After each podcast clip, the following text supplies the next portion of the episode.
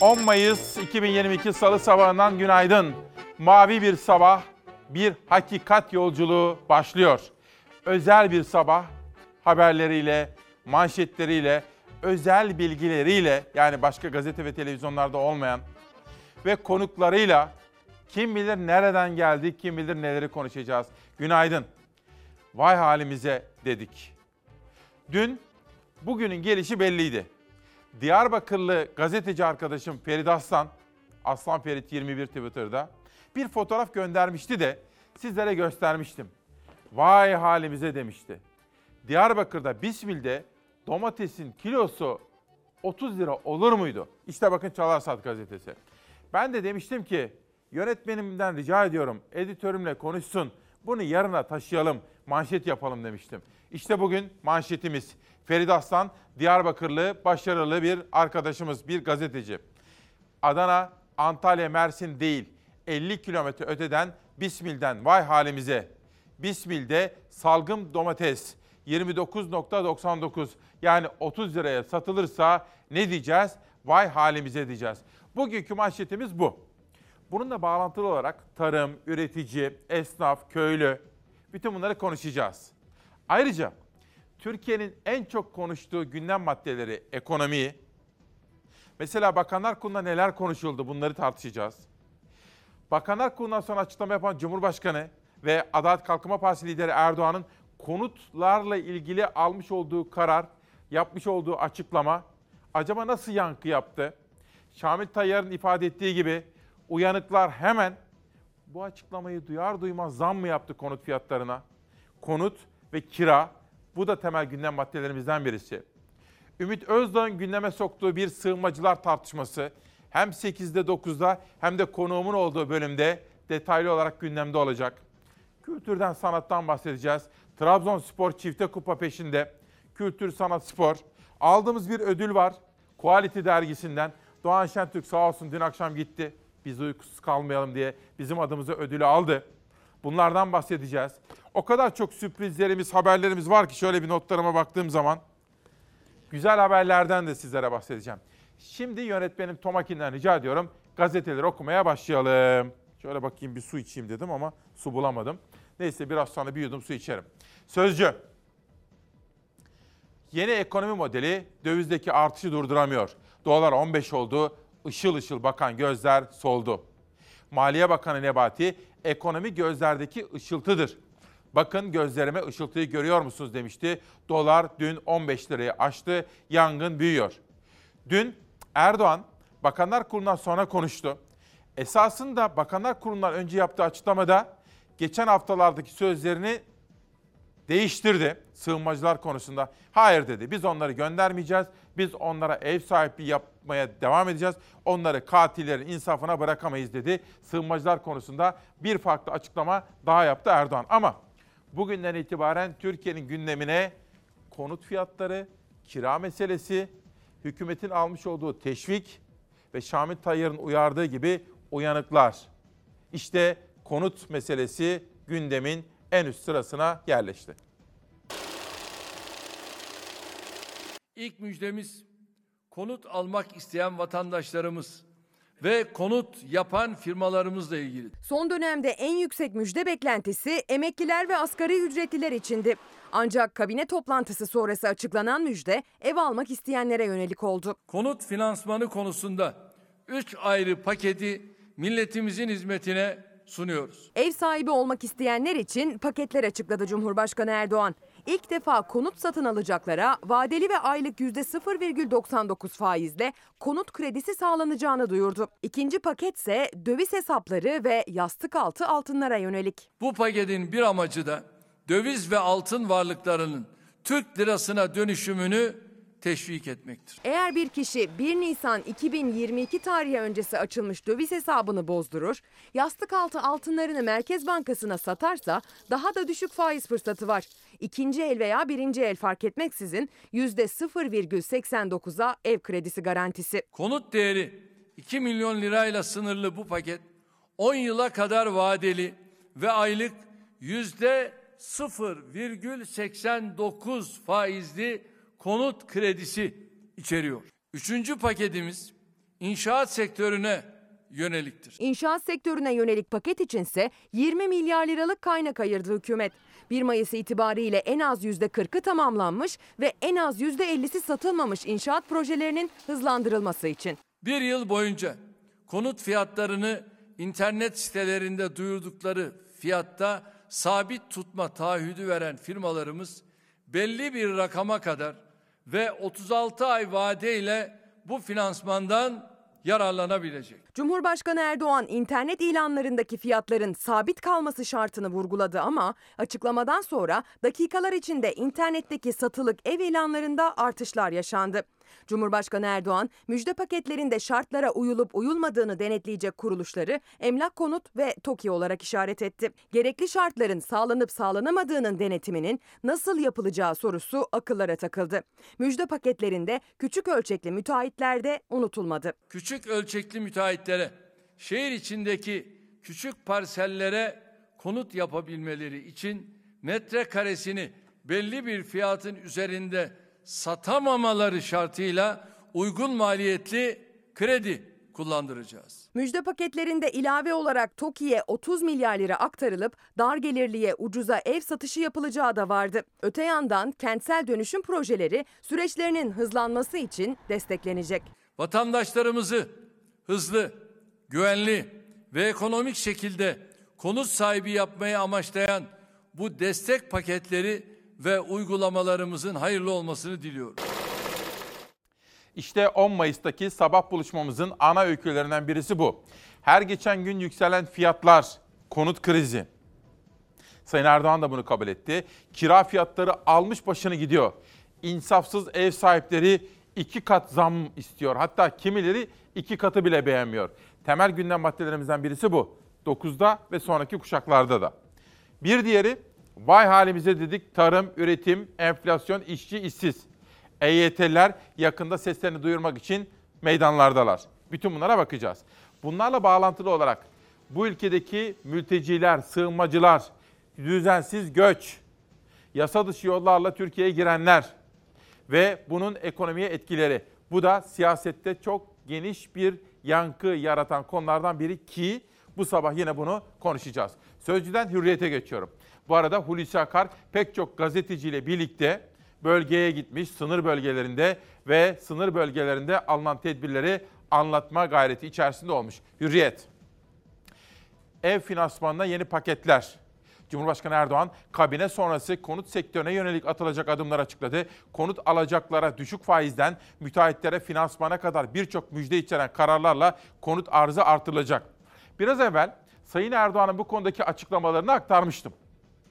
Kimisi AK Partili olan Şamil Tayyar gibi isimlerin uyanıklara ilişkin mesaj ve kaygılarını da aktarmıştım. Biraz sonra Erdoğan'ın yaptığı bu açıklamanın, duyurduğu bu düzenlemenin muhalefet cenahında, mesela Serkan Özcan, muhalefetten ekonomi kurmayları bütün bu konuları nasıl değerlendiriyorlar onu da şu anda arkadaşlarım haberleştiriyor. Muhalefetin bakış açısını da sizlere sunacağım efendim. Böylece Sözcü, Hürriyet derken Bir Gün Gazetesi'ne geçiyoruz. İşte bu. Günlerin, yılın manşetlerinden birisi. Ne gelen var, ne giden. İş bilmezliğin, plansızlığın sonucunda Uşak, Gökçeada, Kocaeli ve Balıkesir havalimanları yıllardır atıl durumda. Sürekli para yutuyor. Peki nerede Kütahya Zafer Havalimanı? Onu da koymaları lazımdı buraya. Oraya da incin top oynuyor orada da. Gördük. AKP iktidarının kamunun kasasından milyonlarca lira harcayarak yaptığı israf projelerinin ardı arkası gelmiyor. Son çarpıcı örnek Uşak, Gökçeada, Kocaeli ve Balıkesir Merkez Havalimanları. Plansızlığın sonucu kuş uçmaz, kervan geçmez hale gelen havalimanları yıllardır atıl olsa da para yutmaya devam ediyor. Uşak Havalimanı pandeminin başlarında yolcu garantisi verilen Kütahya'daki Zafer Havalimanı için kapatıldı. Yer hizmetleri, özel güvenlik kule ekibi ve itfaiye personeli hala görevde. Binali Yıldırım'ın açtığı ve 88 milyon lira harcanan Gökçeada Havalimanı 10 yıldır kullanılmıyor. İsmail Arı'nın haberi. Hemen yan tarafta Uşak Milletvekili'nin bu konudaki sözleri de bir günde birinci sayfada yer almış. Uşak Milletvekili Özkan Yalım, yıllık 1.3 milyon yolcu garantisi verilen. Bakın burası. Demişler ki buraya yılda 1.3 milyon yolcu gelir. Biz bu kadar garanti veriyoruz size demişler. 1.3 milyon yolcu. Zafer Havalimanı yüzünden Uşak halkı zulüm görüyor demiş. Balıkesir Milletvekili Ensar Aytekin, kentte bir havalimanı daha olduğu için şirketler uçmuyor. Bu nedenle de havalimanı adeta bir kara deliğe dönüştü diyor. İşte bakın bu da plan veya plansızlık, öngörü veya öngörüsüzlük, hesap bilmek veya bilmemek. Yani kimin parası? Benim param. Vergimi ödüyorum. Hayatta en çok önem verdiğimiz konuların birisi. Vergilendirilmiş kazanç kutsaldır değil mi? Peki kimin parası? Sizin paranız. Ey köy kahvesinde oturan yurttaşım. Ey şu anda uyanmış, yüzünü yıkamış, yeni güne hazırlanmakta olan kardeşlerim, büyüklerim. Bu paralar sizin paranız.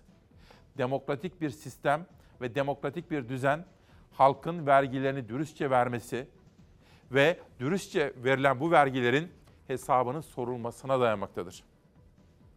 Bu da konuşacağımız konulardan bir tanesi. Bir diğer konu da sığınmacılar konusu. Hem şimdi hem 9'da hem de her gün bu konuyu da bütün tarafsızlığımızla ama net bir şekilde işlememiz, konuşmamız, gündemde tutmamız gerekiyor. Şu anda 3 milyon 700 bin Suriyeli bizim kardeşimizdir ve biz bu kardeşlerimize sahip çıktık, sahip çıkıyoruz ve sahip çıkacağız Bay Kemal. Kendi milletinden umudu kestin, sığınmacı oyuyla mı kalmaya çalışıyorsun Erdoğan? Sığınmacılar üzerinden bir kez daha karşı karşıya geldi Erdoğan ve Kılıçdaroğlu. Erdoğan 6 gün önce 1 milyon Suriyelinin dönüşü için hazırlık yapıyoruz demişti. Bu kez kendileri arzu ederlerse dönebilirler dedi. Kendileri arzu ettikleri zaman vatanlarına dönebilirler. Ama biz onları asla bu topraklardan kovmayız ve kovmayacağız. Madem böyleydi, bayramdan önce Suriyelilerin gidişini neden yasakladınız? Anlaşılan küçük ortağınızdan korktunuz. Bayram bitti, yeniden ensar, muhacir demeye başladınız. Ana muhalefetin başındaki ve yanındakiler seçimi kazandığımızda bu ülkedeki mültecileri ülkelerine göndereceğiz diyorlar. Biz göndermeyeceğiz. 15 Mart 2022'de Suriyelileri ülkesine göndermeyeceğiz demişti Erdoğan. Bir buçuk ay sonra 4 Mayıs'ta ise 1 milyon Suriyelinin dönüşü için hazırlık yapıldığını söyledi. 1 milyon Suriyeli kardeşimizin gönüllü geri dönüşünü sağlayacak yeni bir projenin hazırlıkları içindeyiz. Bu açıklamadan 6 gün sonra ise sığınmacıları kovmayacağız, ev sahipliğine devam dedi. Hem de aynı gün iki kez. Birileri çıkmış durmadan laf salatası yapıyorlar. Yok ya biz asla kapımız açık onlara ev sahipliğimizi yapmaya devam edeceğiz. Onları katillerin eline kucağına atmayacağız. Biz bu yolda aynen yürümeye devam edeceğiz. Er ya da geç geleceksin kaçtığın seçime ve bu Necip millet sığınmacı oylarına güvenmenin hesabını sana kesecek. Seçimin ertesi günü de 2 yıllık dönüş planı başlayacak. Bakalım el mi yaman, bey mi? Şimdi Bay Kemal ne diyor? Biz bunların hepsini tekrar Suriye'ye süreceğiz. Geldikleri yere göndereceğiz. Bunları yapamayacaksın. Bunları yapmaya hiçbirinizin de gücü yetmez. Ensar mı olacaksınız? Beştepe'deki 1100 odalı sarayınızın odalarını. Açın bakalım Suriyeli Afganlı göçmenlere. CHP lideri hesabı sandıkta millet kesecek diyerek Suriyeli sığınmacıların 2 yıl içinde ülkelerine gönderileceğini açıkladı bir kez daha. O sözlerine yanıtı kabine toplantısı sonrası verdi Erdoğan. Biz ensar kültürüyle yetişmişiz. Biz muhacir kültürünün ne olduğunu çok iyi biliriz.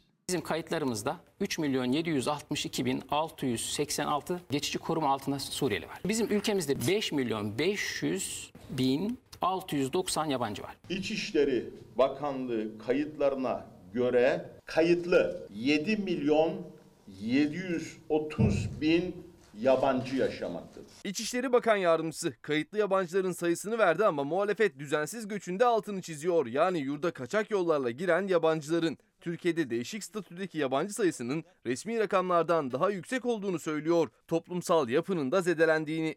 Yaşadığımız ekonomik ve sosyal sıkıntıların faturası mültecilere değil, hükümete kesilmeli ve bizzat hükümet bunun hesabını vermelidir. İşte şimdi Suriye'nin kuzeyinde biriket evleri yapıyoruz. Amacımız halen ülkemizde yaşayan 1 milyon Suriyelinin tüm insani şartlara sahip bu şehirlere geri dönüşünü temin etmektir. Kurumlarımızın yaptığı çalışmalar bu geri dönüş için 1 milyondan çok daha fazla sığınmacının gönüllü olduğunu göstermektedir. Muhalefet iktidarın sığınmacı politikasını eleştiriyor, sınırların korunmadığını söylüyor. Cumhurbaşkanı ise ev sahipliğine devam diyor.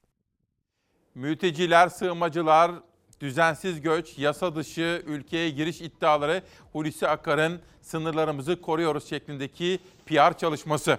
Bütün bunları konuşacağız. Ayrıca Ümit Özdağ'ın gündeme getirdiği bir takım iddialar da var. Hani 7 Haziran seçimlerinde iktidar Adalet Kalkınma Partisi birinci parti çıkmıştı hatırladınız mı? Birinci parti çıkmıştı ama tek başına iktidarı kuracak çoğunluğu elde edememişti. Koalisyon görüşmeleri vardı. Ancak o arada biz Erdoğan'ın da istediği şekilde 1 Kasım seçimlerine doğru gitmiştik. O seçimi sürecinde hiç istemediğimiz, korktuğumuz, üzüldüğümüz, kaygılandığımız olaylar yaşamıştık. Terör örgütleri, onların arkasındaki istihbarat örgütleri, Türkiye'yi karıştırmak isteyenler vesaire vesaire. Hatırlamak bile istemediğimiz bir dönemdi o. Dün Ümit Özdağ bir takım iddialarından, duyumlarından bahsetti. Allah muhafaza. Onun ne demek istediğini, iktidarın ona nasıl yanıtlar verdiğini de sağduyulu ve sakin bir şekilde biraz sonra detaylı olarak konuşacağım. Bir gün gazetesindeki israfın bu fotoğrafına ilişkin manşetten hemen sonra Pencere gazetesine geçiyorum. Tabii Sayın Erdoğan da fikrini değiştiriyor sürekli. Neden acaba? Biz onların 1 milyonlu gönüllü olarak göndereceğiz demişti. İktidardan farklı açıklamalar vardı. Nitekim bayrama ilişkin bir takım düzenlemeler olmuştu. Hani Suriyeliler bayrama gidebiliyorlarsa dönmeyeceklerdi. Bu konudaki düzenlemeler vardı.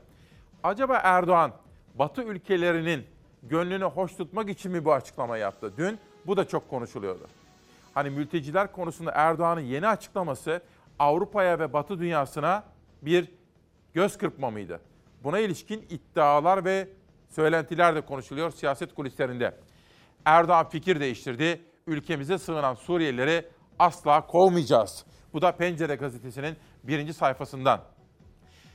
CHP Genel Başkanı Kılıçdaroğlu, Erdoğan açıklamalarına tepki gösterdi ve Twitter'da paylaştığı mesajda kendi milletinden umudu kestin, sığınmacı oyuyla mı kalmaya çalışıyorsun Erdoğan? Er ya da geç geleceksin kaçtığın seçime ve bu Necip millete, millet sığınmacı oylarına güvenmenin hesabını sana kesecek. Seçimin ertesi günü de iki yıllık dönüş planı başlayacak diye yazdı. Burada biraz evvel bir parça özet yaptığım bir konu daha var. Bakın şurayı da sizlere birazcık okumak istiyorum. Bakalım neymiş Ümit Özdağ'ın söyledikleri. Zafer Partisi Genel Başkanı Ümit Özdağ, Haziran 2015, Kasım 2015 şiddet dalgasını bu kez sığınmacılar, sığınmacılar üzerinden planlıyorlar demiş. Zafer Partisi Genel Başkanı Ümit Özdağ, Soylu ve ekibi çok tehlikeli bir oyun oynuyor. Haziran 2015, Kasım 2015 hani o iki seçim arasındaki süreç arasındaki sürece benzer bir şiddet dalgasının bu sefer sığınmacılar üzerinden planlandığını planlandığı anlaşılıyor dedi. Özdağ, Gelecek Partisi Genel Başkanı Ahmet Davutoğlu'na Sayın Davutoğlu korkmayın tehdit edildiğinizi kamuoyunda gördük. Çıkın Haziran Kasım 2015 arasında neler olduğunu anlatın çağrısı yaptı. Özdağ, İçişleri Bakanı Süleyman Soylu'nun kendisi için kullandığı istihbarat elemanı sözlerine ise şu sözlerle yanıt verdi. Benim Türkiye Cumhuriyeti Devleti'nin değişik kurumları için yurt içinde ve dışında Türkiye'nin milli güvenliği konusunda kanunlar çerçevesinde ve yazılı görevlendirmeyle bazı operasyonlar yaptığım doğrudur. Bazı operasyonlar yönettiğim doğrudur. Ben bu ülke için çalışırken Soylu DYP ilçe başkanı olarak Tansu Çiller'in etrafında anneciğim diye dolaştığını da sonrasında bir genel başkanın çantacılığını yaptığını da biliyoruz. Soylu ayrıca bana istihbarat elemanı olarak saldırmış. İstihbaratçılık önemli ve saygın bir meslektir. Ancak ben istihbaratçı değilim. Eğer ben istihbaratçıysam Süleyman Soylu bunu açıklamaktan dolayı hapse girer. Açıklanması yasaktır dedi efendim. Çok çarpıcı bir dönem ve inanılmaz karşılıklı suçlamalar efendim. Bir soru sorabilir miyim sizlere? Bizim 9 yıldır her sabah burada gündeme taşıdığımız, inandığımız temel değerler var. Hayalini kurduğumuz ülke tablosuna ulaşabilmek için. Bunlardan birkaç tanesini bana söyler misiniz? Tabii demokrasi, özgürlükler, insan hakları, hukukun üstünlüğü. Bunlar olmazsa olmazlarımız. Keza çevre konuları. Keza kadın meseleleri. Keza tarım, üretici ve köylünün yaşadıkları. Ben sulamam gerekiyor. Evinin önünde 3 dal, 5 dal, 10 dal saksıda şunda bunda fideyi yetiştirmeye çalışıyor. Dar gelirli evinin bahçesinde hatta balkonda saksı içinde üretmekte buldu çareyi. Ancak her şey zamlandığı gibi fideler, fidanlar da zamlandı. Tüketici pazar etiketine yetişemediği için kendisi üretmenin derdine düşüyor. Üretici ise verilen her türlü desteğin peşine düşüyor üretmeye devam edebilmek için. Ankara Büyükşehir Belediyesi ard arda yaptığı üretici destekleriyle gündemde. Başkan Mansur Yavaş, tarımı canlandırmak için başlatılan Başkent Ankara Kalkınma Projesi'ni CHP Genel Başkanı Kemal Kılıçdaroğlu ile birlikte inceledi. Belediyeler üreticiyi ve üretimi destekliyor. Çiftçi olmayanlarsa kendi ürettiğini yiyerek kar etmeye çalışıyor. Armudum var, şeftali var, kirazım var, şekerparem var, vişne var, ayva var. Geçen yıl bunun bir tanesi kaç lira? 10 TL var. Bu yıl 30. Vatandaş kendi ürettiğini yiyecek, kar edecek. Ama fide ve fidanlarda da fiyatlar 3 katına çıktı. Vatandaş 10 tane alacağına bir tane alıyor. Yani geçen yıl bunlardan 10 tane 10 alırken tane alırken şimdi bir tane alıyor ya da almıyor. Fideye çok talep var. Enflasyona karşı zamlı da veriyoruz ama yine de talep çok. Mazot, gübre, işçi her şey maliyet arttığı için mecburen bu şekilde. Esnaf mecburen maliyetlerini yansıtıyor fidanın fiyatına. Geçen yıl 10 fidan satın alan bu yıl daha az alabiliyor. Geçen yıl 3 liraya satılan fidelerse bu yıl 10 lira. 10 liraya satıyoruz, 7 liraya alıyoruz. Nasıl dönecek verenler? geçen yıl ne kadardı? Geçen sene 3 lira, 4 lira, 5 lira. 50 lira, 5 lira. Karpuz, kavun ihtiyacı olanlara verebiliriz bak bunlar. Ve işte uyanan sizler. Değerli Ahmet Şahin Ankara'dan bir kültür sanat insanı, bir cumhuriyetçi bir insandır. Ahmet Şahin'e de teşekkür ediyorum. Erkenden uyanmış, sağ olsun, var olsun. Adana'dan bir mesaj, Mehmet Özer. Vay halimize dedik ya. Adana'da tanesini 40 liraya aldığımız karpuzun dilimi, yani dörtte biri İstanbul'da 50 lira. Şoklardayım. Vay ki vay demiş Mehmet Özer efendim bize göndermiş olduğu mesajda. Onur Gümüş de iktidar bizim yaşadığımız sorunları anlamıyor mu? Geçim zorluklarının farkında değil mi? Ülkeyi adeta Zoom üzerinden yönetiyorlar diyor Onur Gümüş İstanbul'dan bize gönderdiği mesajında. Buradan Cumhuriyet Gazetesi'ne geçiyorum. Sermayenin partisi AKP diyor. İktidarın aldığı sözde ekonomik önlemler emekçiyi vurdu. Yılın yarısına yaklaşılırken toparlanma bir yana ekonomik göstergelerdeki bozulma sürüyor. Dış ticaret açığı büyüyor. Rezervler dipte. Yabancı yatırımcı gelmiyor. Dolarizasyon devam ediyor. Çalışan ve emeklilerin gelirleri enflasyon nedeniyle eriyor. Bankadaki mevduatın büyük bir bölümü milyonerlerde. İktidarın söylemlerinin tersine paradan para kazananlar en parlak dönemlerini yaşıyor. Yurttaş ve kobiler yani küçük orta boy işletmeler borç batağına saplanmış durumda. İcra dairelerindeki dosya sayısı 23 milyon 449 bine ulaştı. Türkiye'nin risk primi 600 puanı aşarak ülkeyi dünyada ikinci sıraya taşıdı demekte. Durum böyle. Bu arada hani hak, hukuk, adalet, demokrasi diyoruz ya her zaman. Günün gazetelerini beraber okuyoruz ya manşetleri, köşe yazılarını. Aytun Çerkin bakın bugün bir davadan bahsediyor. Türkiye'den Türkiye'nin unutulan ya da unutturulmak istenen bir davası daha var. 28 Şubat. Aytun Çerkin çok hassas olduğu FETÖ konusunda bir manşet atmış bugün ve çok sayıda komutan halen cezaevinde yattığını ve bu komutanların cezaevine yatış süreçlerinin halen firarda ya da tutuklu bir takım FETÖ'cüler tarafından başlatılan soruşturmalarla bağlantılı olduğu tezini iddia ediyor. Çok çarpıcı bir yazı günün önemli yazılarından birisi Aytunç Erkin'in bugün Sözcü'deki yazısı.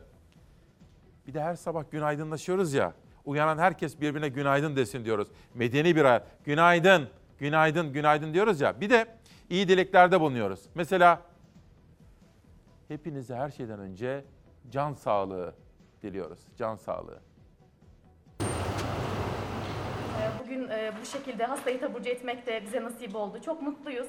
İnşallah tekrar bir daha e, pandemi süreci gibi bir böyle dünyayı sarsan ciddi ölümlere sebep olacak durumla karşı karşıya kalmayız. Son Covid hastası taburcu olan hastane sayısı her geçen gün artıyor. Sivas Numune Hastanesi'nden geldi bu kez sevindiren haber. Sağlığına kavuşan son hastanın ardından pandemi servisinde hiç hasta kalmadı.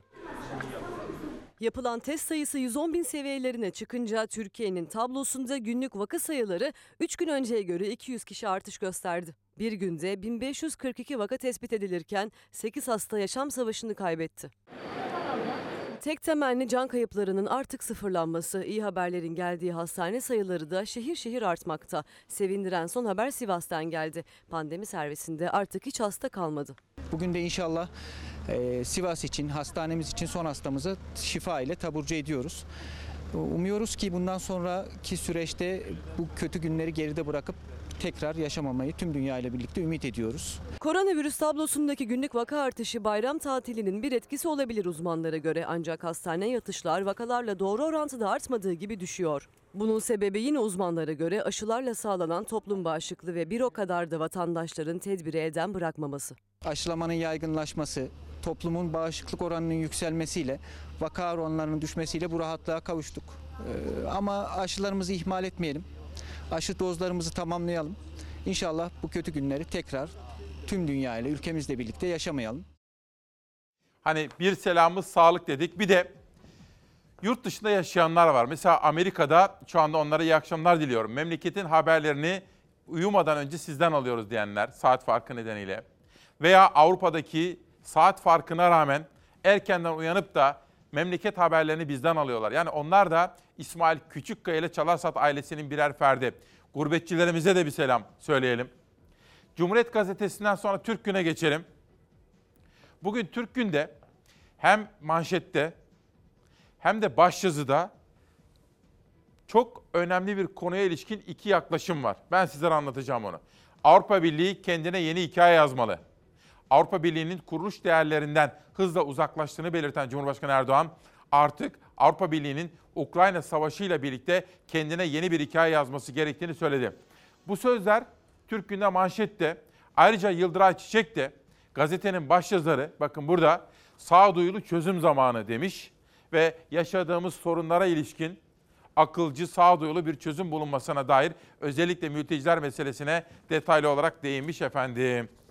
Dünyanın manşetlerine de bakıyoruz. Bu arada bir selamımızda müsaade ederseniz Türkiye Cumhuriyeti'nin cezaevlerinde yatan mahkumlara iletmek istiyorum. Sıklıkla dolaşırken cezaevinde seni izliyorduk diyenlere veya babam koğuşta sizi izliyor diyen evlatlarının mesajlarına denk geliyorum. Ama bu konuda bir eleştiri aldım önceki günlerde. Hayır o eleştiriye katılmıyorum. Ben cezaevindeki mahkumlara Allah kurtarsın derken çocuklara, kadınlara kıyanlar, zulmedenlerin dışında ki kader mahkumları kastediyorum efendim. Onlara Allah kurtarsın diyorum. Ve dünyanın manşetleri Putin'in dün sizlere söylemiştim. Zafer günüydü. Acaba Putin ne yapacaktı? Ukrayna'yı işgal etti 75. gününde ama bakın Putin'in konuşması boş bir konuşma diyor Zafer gününde. Putin'in bu konuşması ile ilgili böyle değerlendirmeler yapılırken Zelenski, Ukrayna'nın lideri de batılı ülkeleri Ukrayna'ya daha fazla sahip çıkmaya davet ediyor.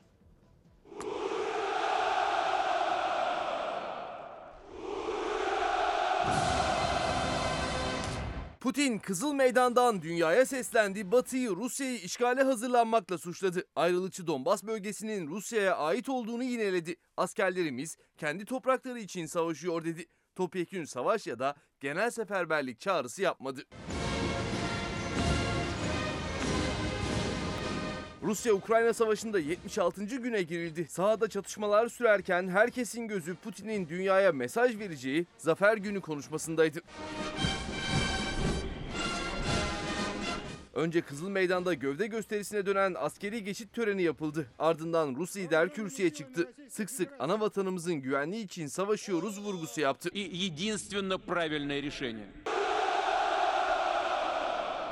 Putin NATO'yu Rusya sınırlarında keşif yaparak tehdit yaratmakla suçladı. Batı'nın Donbas ve Kırım'ı işgal etmeye hazırlandığını öne sürdü. Moskova'nın bu saldırganlığa karşı yanıt verdiğini dile getirdi.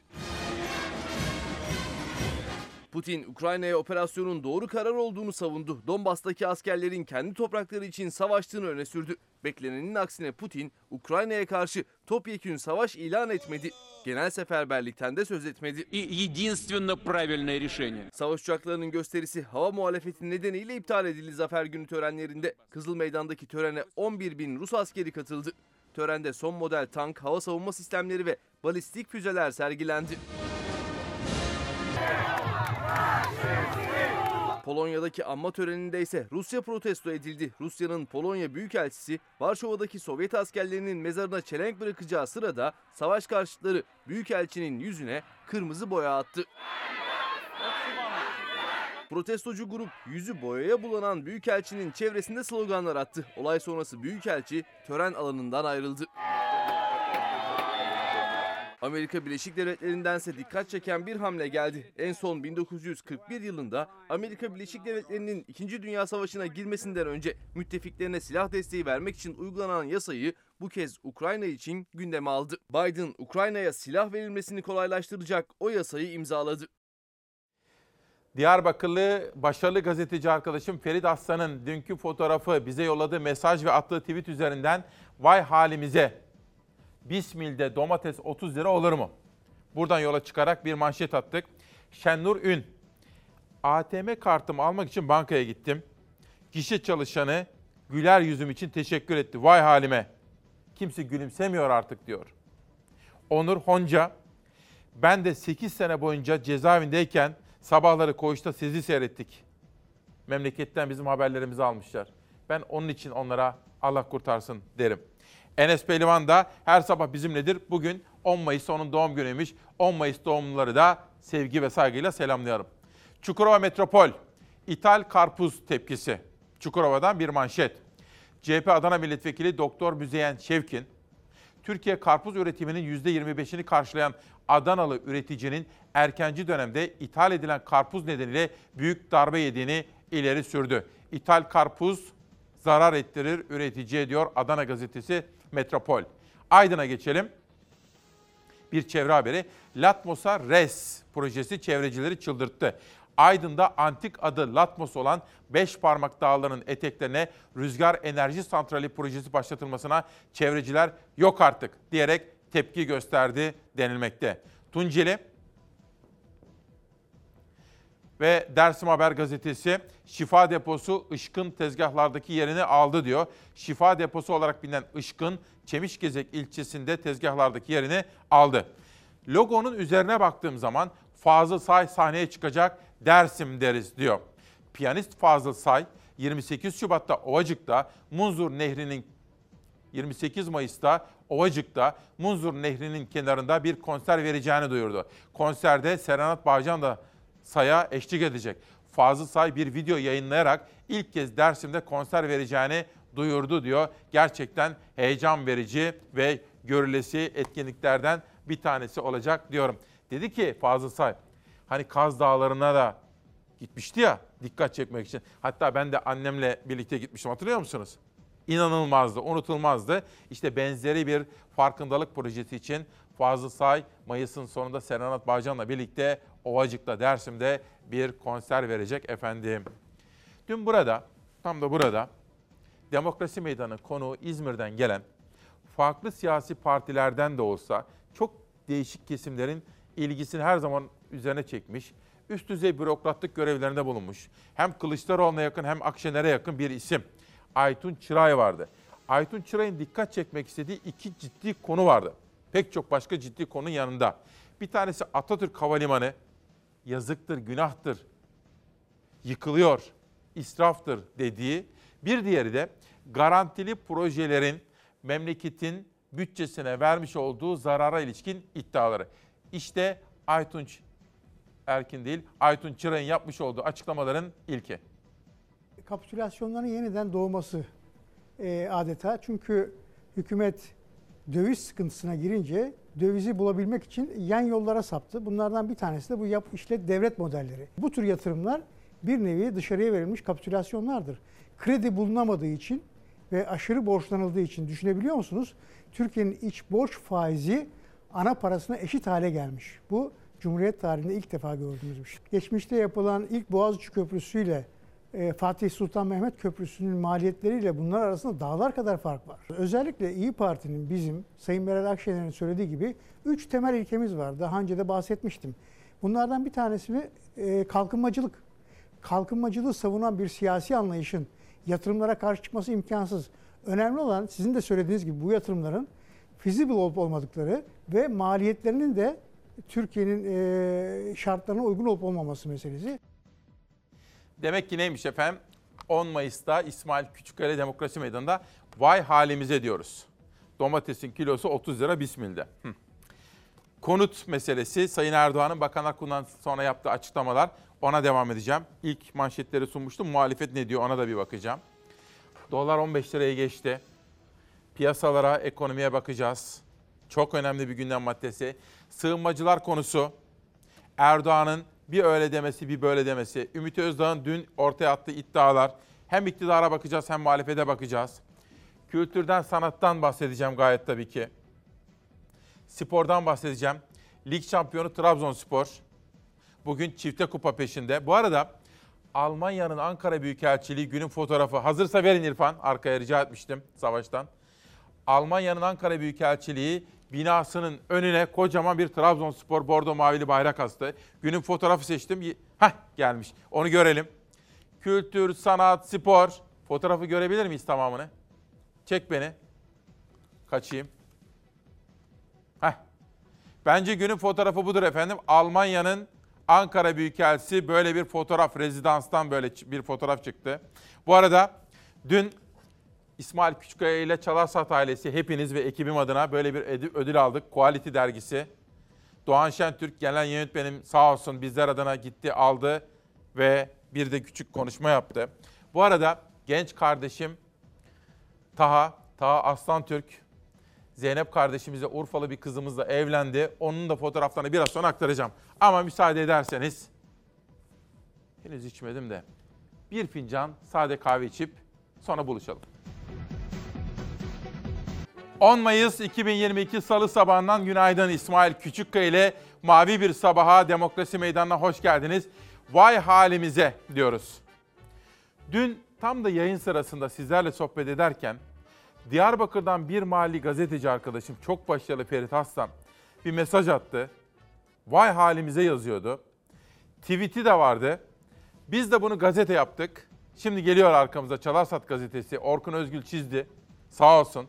Zeray Kınacı hazırladı. Vay halimize. Bismil'de 1 kilo domates 30 lira olur muydu?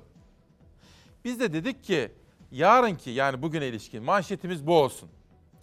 Ve ekonomi başta olmak üzere hayat pahalılığı, işsizlik gibi temel gündem maddelerini konuşacağız. Şunu da biliyoruz.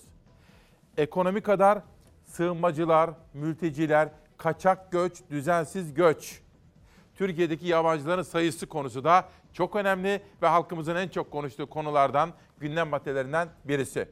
Bunun dışında ekonomi, mültecilerin dışında kültür, sanat, spor, Trabzonspor bugün çifte kupa peşinde. Bunlara bakacağız. Tunceli doğumlu olup da, atadan dededen Tunceli olup da, büyük kentlerde de yaşayan, Tunceli milletvekilliği yapmış, sonra Elazığ milletvekilliği yapmış, siyasetteki söylemleri çok ilgi çekici olan, terör örgütüne karşı Tunceli'de bir de yürüyüş yapan, böyle ezber bozan bir konuğum var. Biraz sonra burada olacak. Onunla da siyaseti konuşacağız. Çok ilgi çekici söylemleri var. Biraz sonra onu da konuşacağız. Dün Bakanlar Kurulu'ndan sonra ki Bakanlar Kurulu'na ilişkin ne demiştik dün? Hadi ne demiştik? Bana söyleyin. Tabii demiştik ki bugün düzenlenecek Bakanlar Kurulu toplantısından sonra Sayın Erdoğan bir açıklama yapacak. Bunlardan bir tanesinin ekonomiye dair olması bekleniyor. Bir diğeri mülteciler, sığınmacılar konusu. Her ikisiyle ilgili açıklamaları da sizlere aktaracağım. 8'de sizlere günaydın dedikten hemen sonra Sayın Erdoğan'ın yaptığı konutlarla ilgili teşvik haberini ve açıklamasını sunmuştum. İyi ama acaba muhalefet Erdoğan'ın bu açıkladığı pakete ne diyecekti?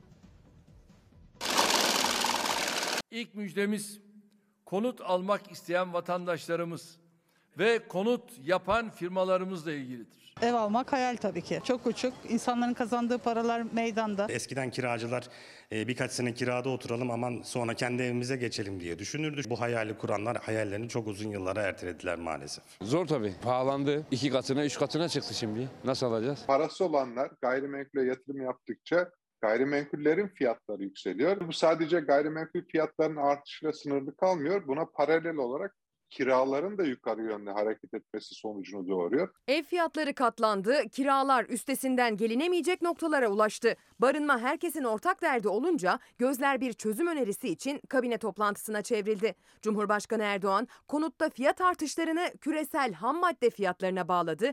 Düşük faizli kredilerle ev sahibi olmayı kolaylaştıracak paketleri açıkladı. Son dönemde küresel ekonomide ham madde fiyatlarında görülen fahiş yükselişler ve tedarik sorunlarının yol açtığı sıkıntılar sebebiyle konut inşasında yavaşlama ve konut fiyatlarında çok büyük artışlar yaşandı. 900 bindi sonra iki buçuk istediler alamadık. Kimler alabiliyor hayret ediyorum. Tasarrufu olanlar, parası olanlar paralarını buraya yönlendiriyor. Önemli bir kısmı gayrimenkul ya ikinci, üçüncü, belki dördüncü, beşinci gayrimenkulü alanlar tarafından satın alınıyor. TÜİK yatırım araçlarının Nisan ayındaki getirisini açıkladı. Sadece borsa kazandırdı.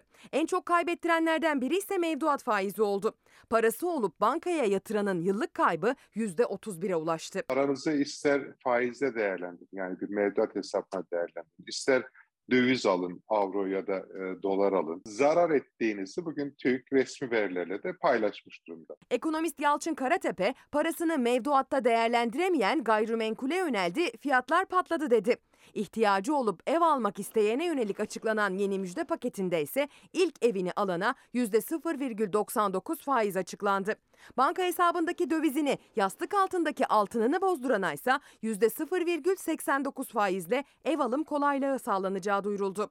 Bu paketin bir amacı da döviz ve altın varlıklarının Türk lirasına dönüşümünü teşvik etmektir. Gayrimenkul yatırımı yaparsanız geçen sene 2 milyona aldığınız bir daireyi bugün 3 milyon 3 milyon 500 bandına rahatlıkla satabiliyorsunuz. İstanbul Bakırköy'de geçtiğimiz yıl 3 artı 1 01 daire ortalama 2 milyon liraya satılırken bugün aynı özelliklere sahip içinde bulunduğumuz bu daire sahibi tarafından 4 milyon 250 bin liraya satılıyor. Ve evi almak için arayanların birçoğu yaşamak için değil yatırım için bu daireyi satın almak istediğini söylüyor. Talep çok fazla. Parası olan da aldığı için mevcut kalan evlerin fiyatları yükseliyor. Parası olan alıyor.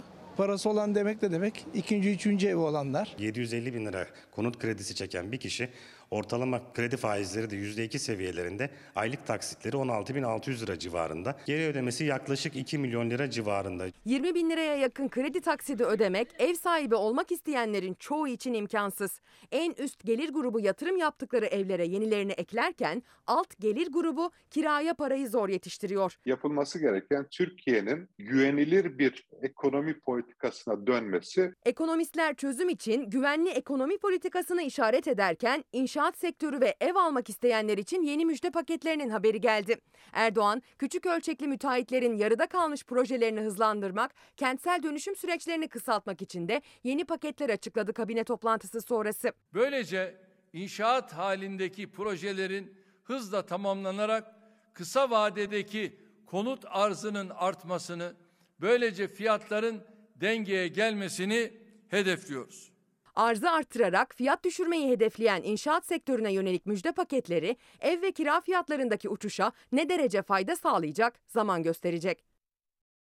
Şimdi bakın bu konu önemli. Peş peşe 3 gazetede, Karar, Milli Gazete bunları sizlere okuyacağım da Milliyet'ten başlayacağım. Şimdi İrfan diyor ki yönetmenim Tomakin, hadi 2 milyon lira kredi çektiniz. 10 yıl. Kaç lira ödeyeceksiniz ayda? İrfan ne kadar? 30 bin lira. Ödeyebilir misiniz?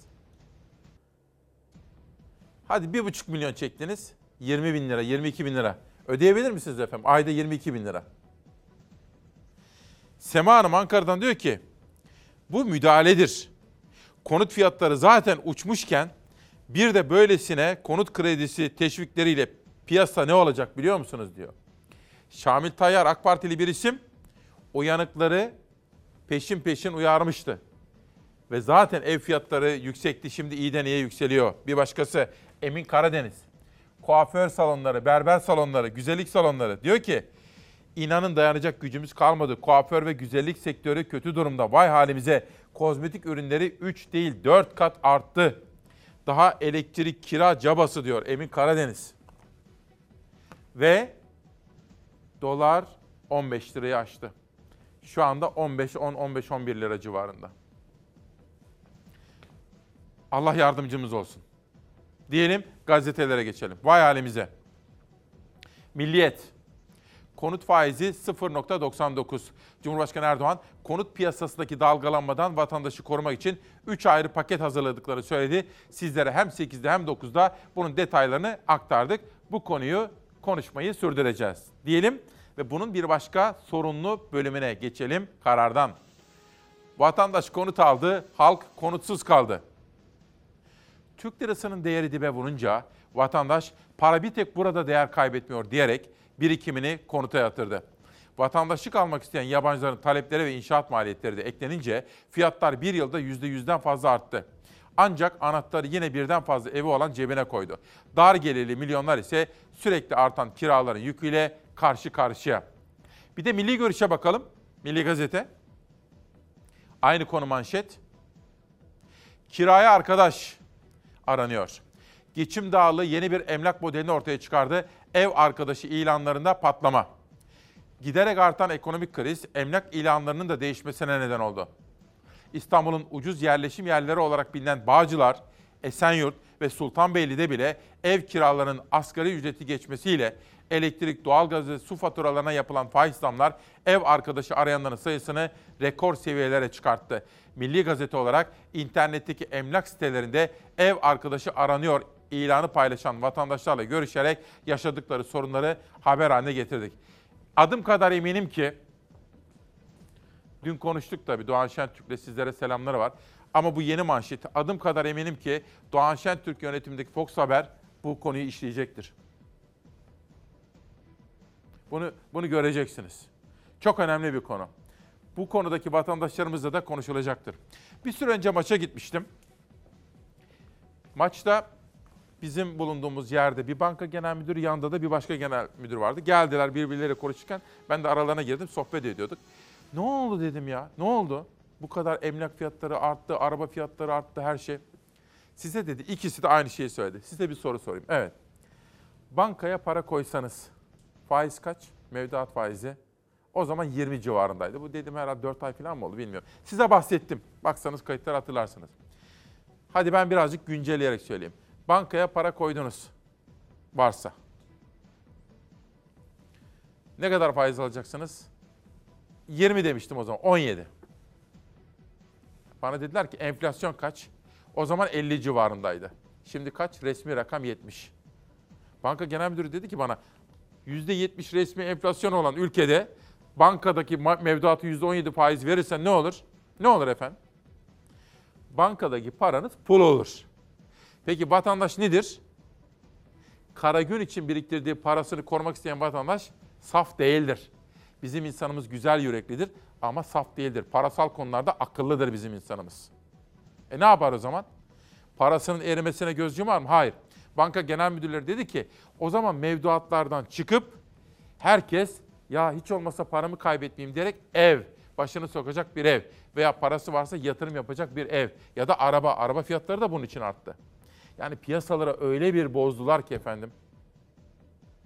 Nas, faiz, inecek faizler, değişsin ekonomi yönetimi, alın Merkez Bankası Başkanı'nı. Benim sözümü dinlemiyor ki alacağım tabii diye diye ne oldu işte? Hepimiz bedel ödüyoruz. Hepimiz yönettikleri ülke, hepimiz biz bu ülkenin yönettikleri ülkenin vatandaşları olarak hepimiz bedel ödüyoruz efendim. Bir diğer gündem maddesi mülteciler konusu. Sayın Erdoğan geçen haftaki söylemini değiştirdi.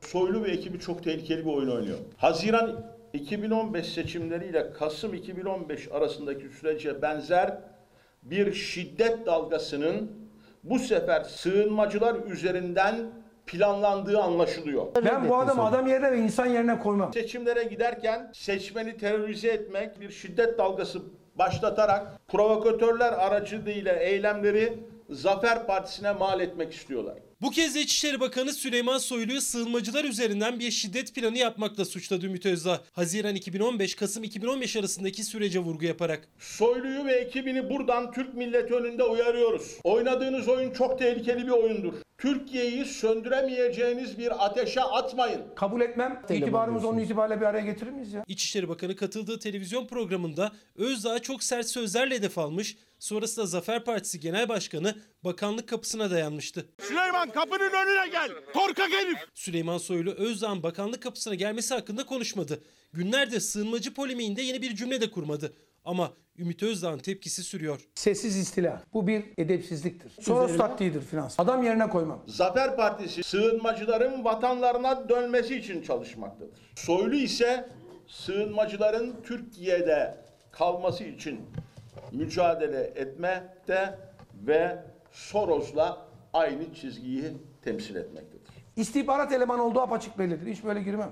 Ben istihbaratçı değilim. Eğer ben istihbaratçıysam Süleyman Soylu bunu açıklamaktan dolayı hapse girer. Açıklanması yasaktır. 15 Temmuz'da yarım kalan işimizi tamamlayacağız kaos planıyla. Bakın şuramızdayız. 15 Temmuz'da tamamlayamadığımız işi tamamlayacağız. Soylu 15 Temmuz'da yarım bıraktığımız şeyi tamamlayacağız derken suç işliyor. Soylu'nun milletim adına, çocuklarım adına, geleceğim adına savcı Zekeriya Öz'e teşekkür ederim dediğini unutmadık. Soylu'yu AK Parti'ye getiren FETÖ'dür. Özdağ İçişleri Bakanı'nı FETÖ'cülükle sığınmacılar üzerinden seçim öncesi kaos planı yapmakla suçladı. Süleyman Soylu ise sessizliğini koruyor.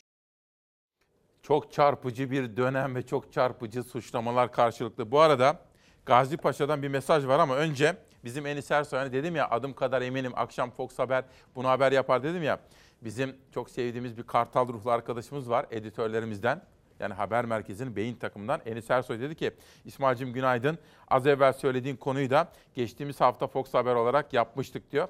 Hatta Enis'ciğim biz onu Çalar Saat'te de tekrar etmiştik aynı olayı. Şöyle anlatayım. Ben sonra dedim ki Enis'ciğim teşekkür ediyorum ama herhalde bu tekrar yapılır dedim.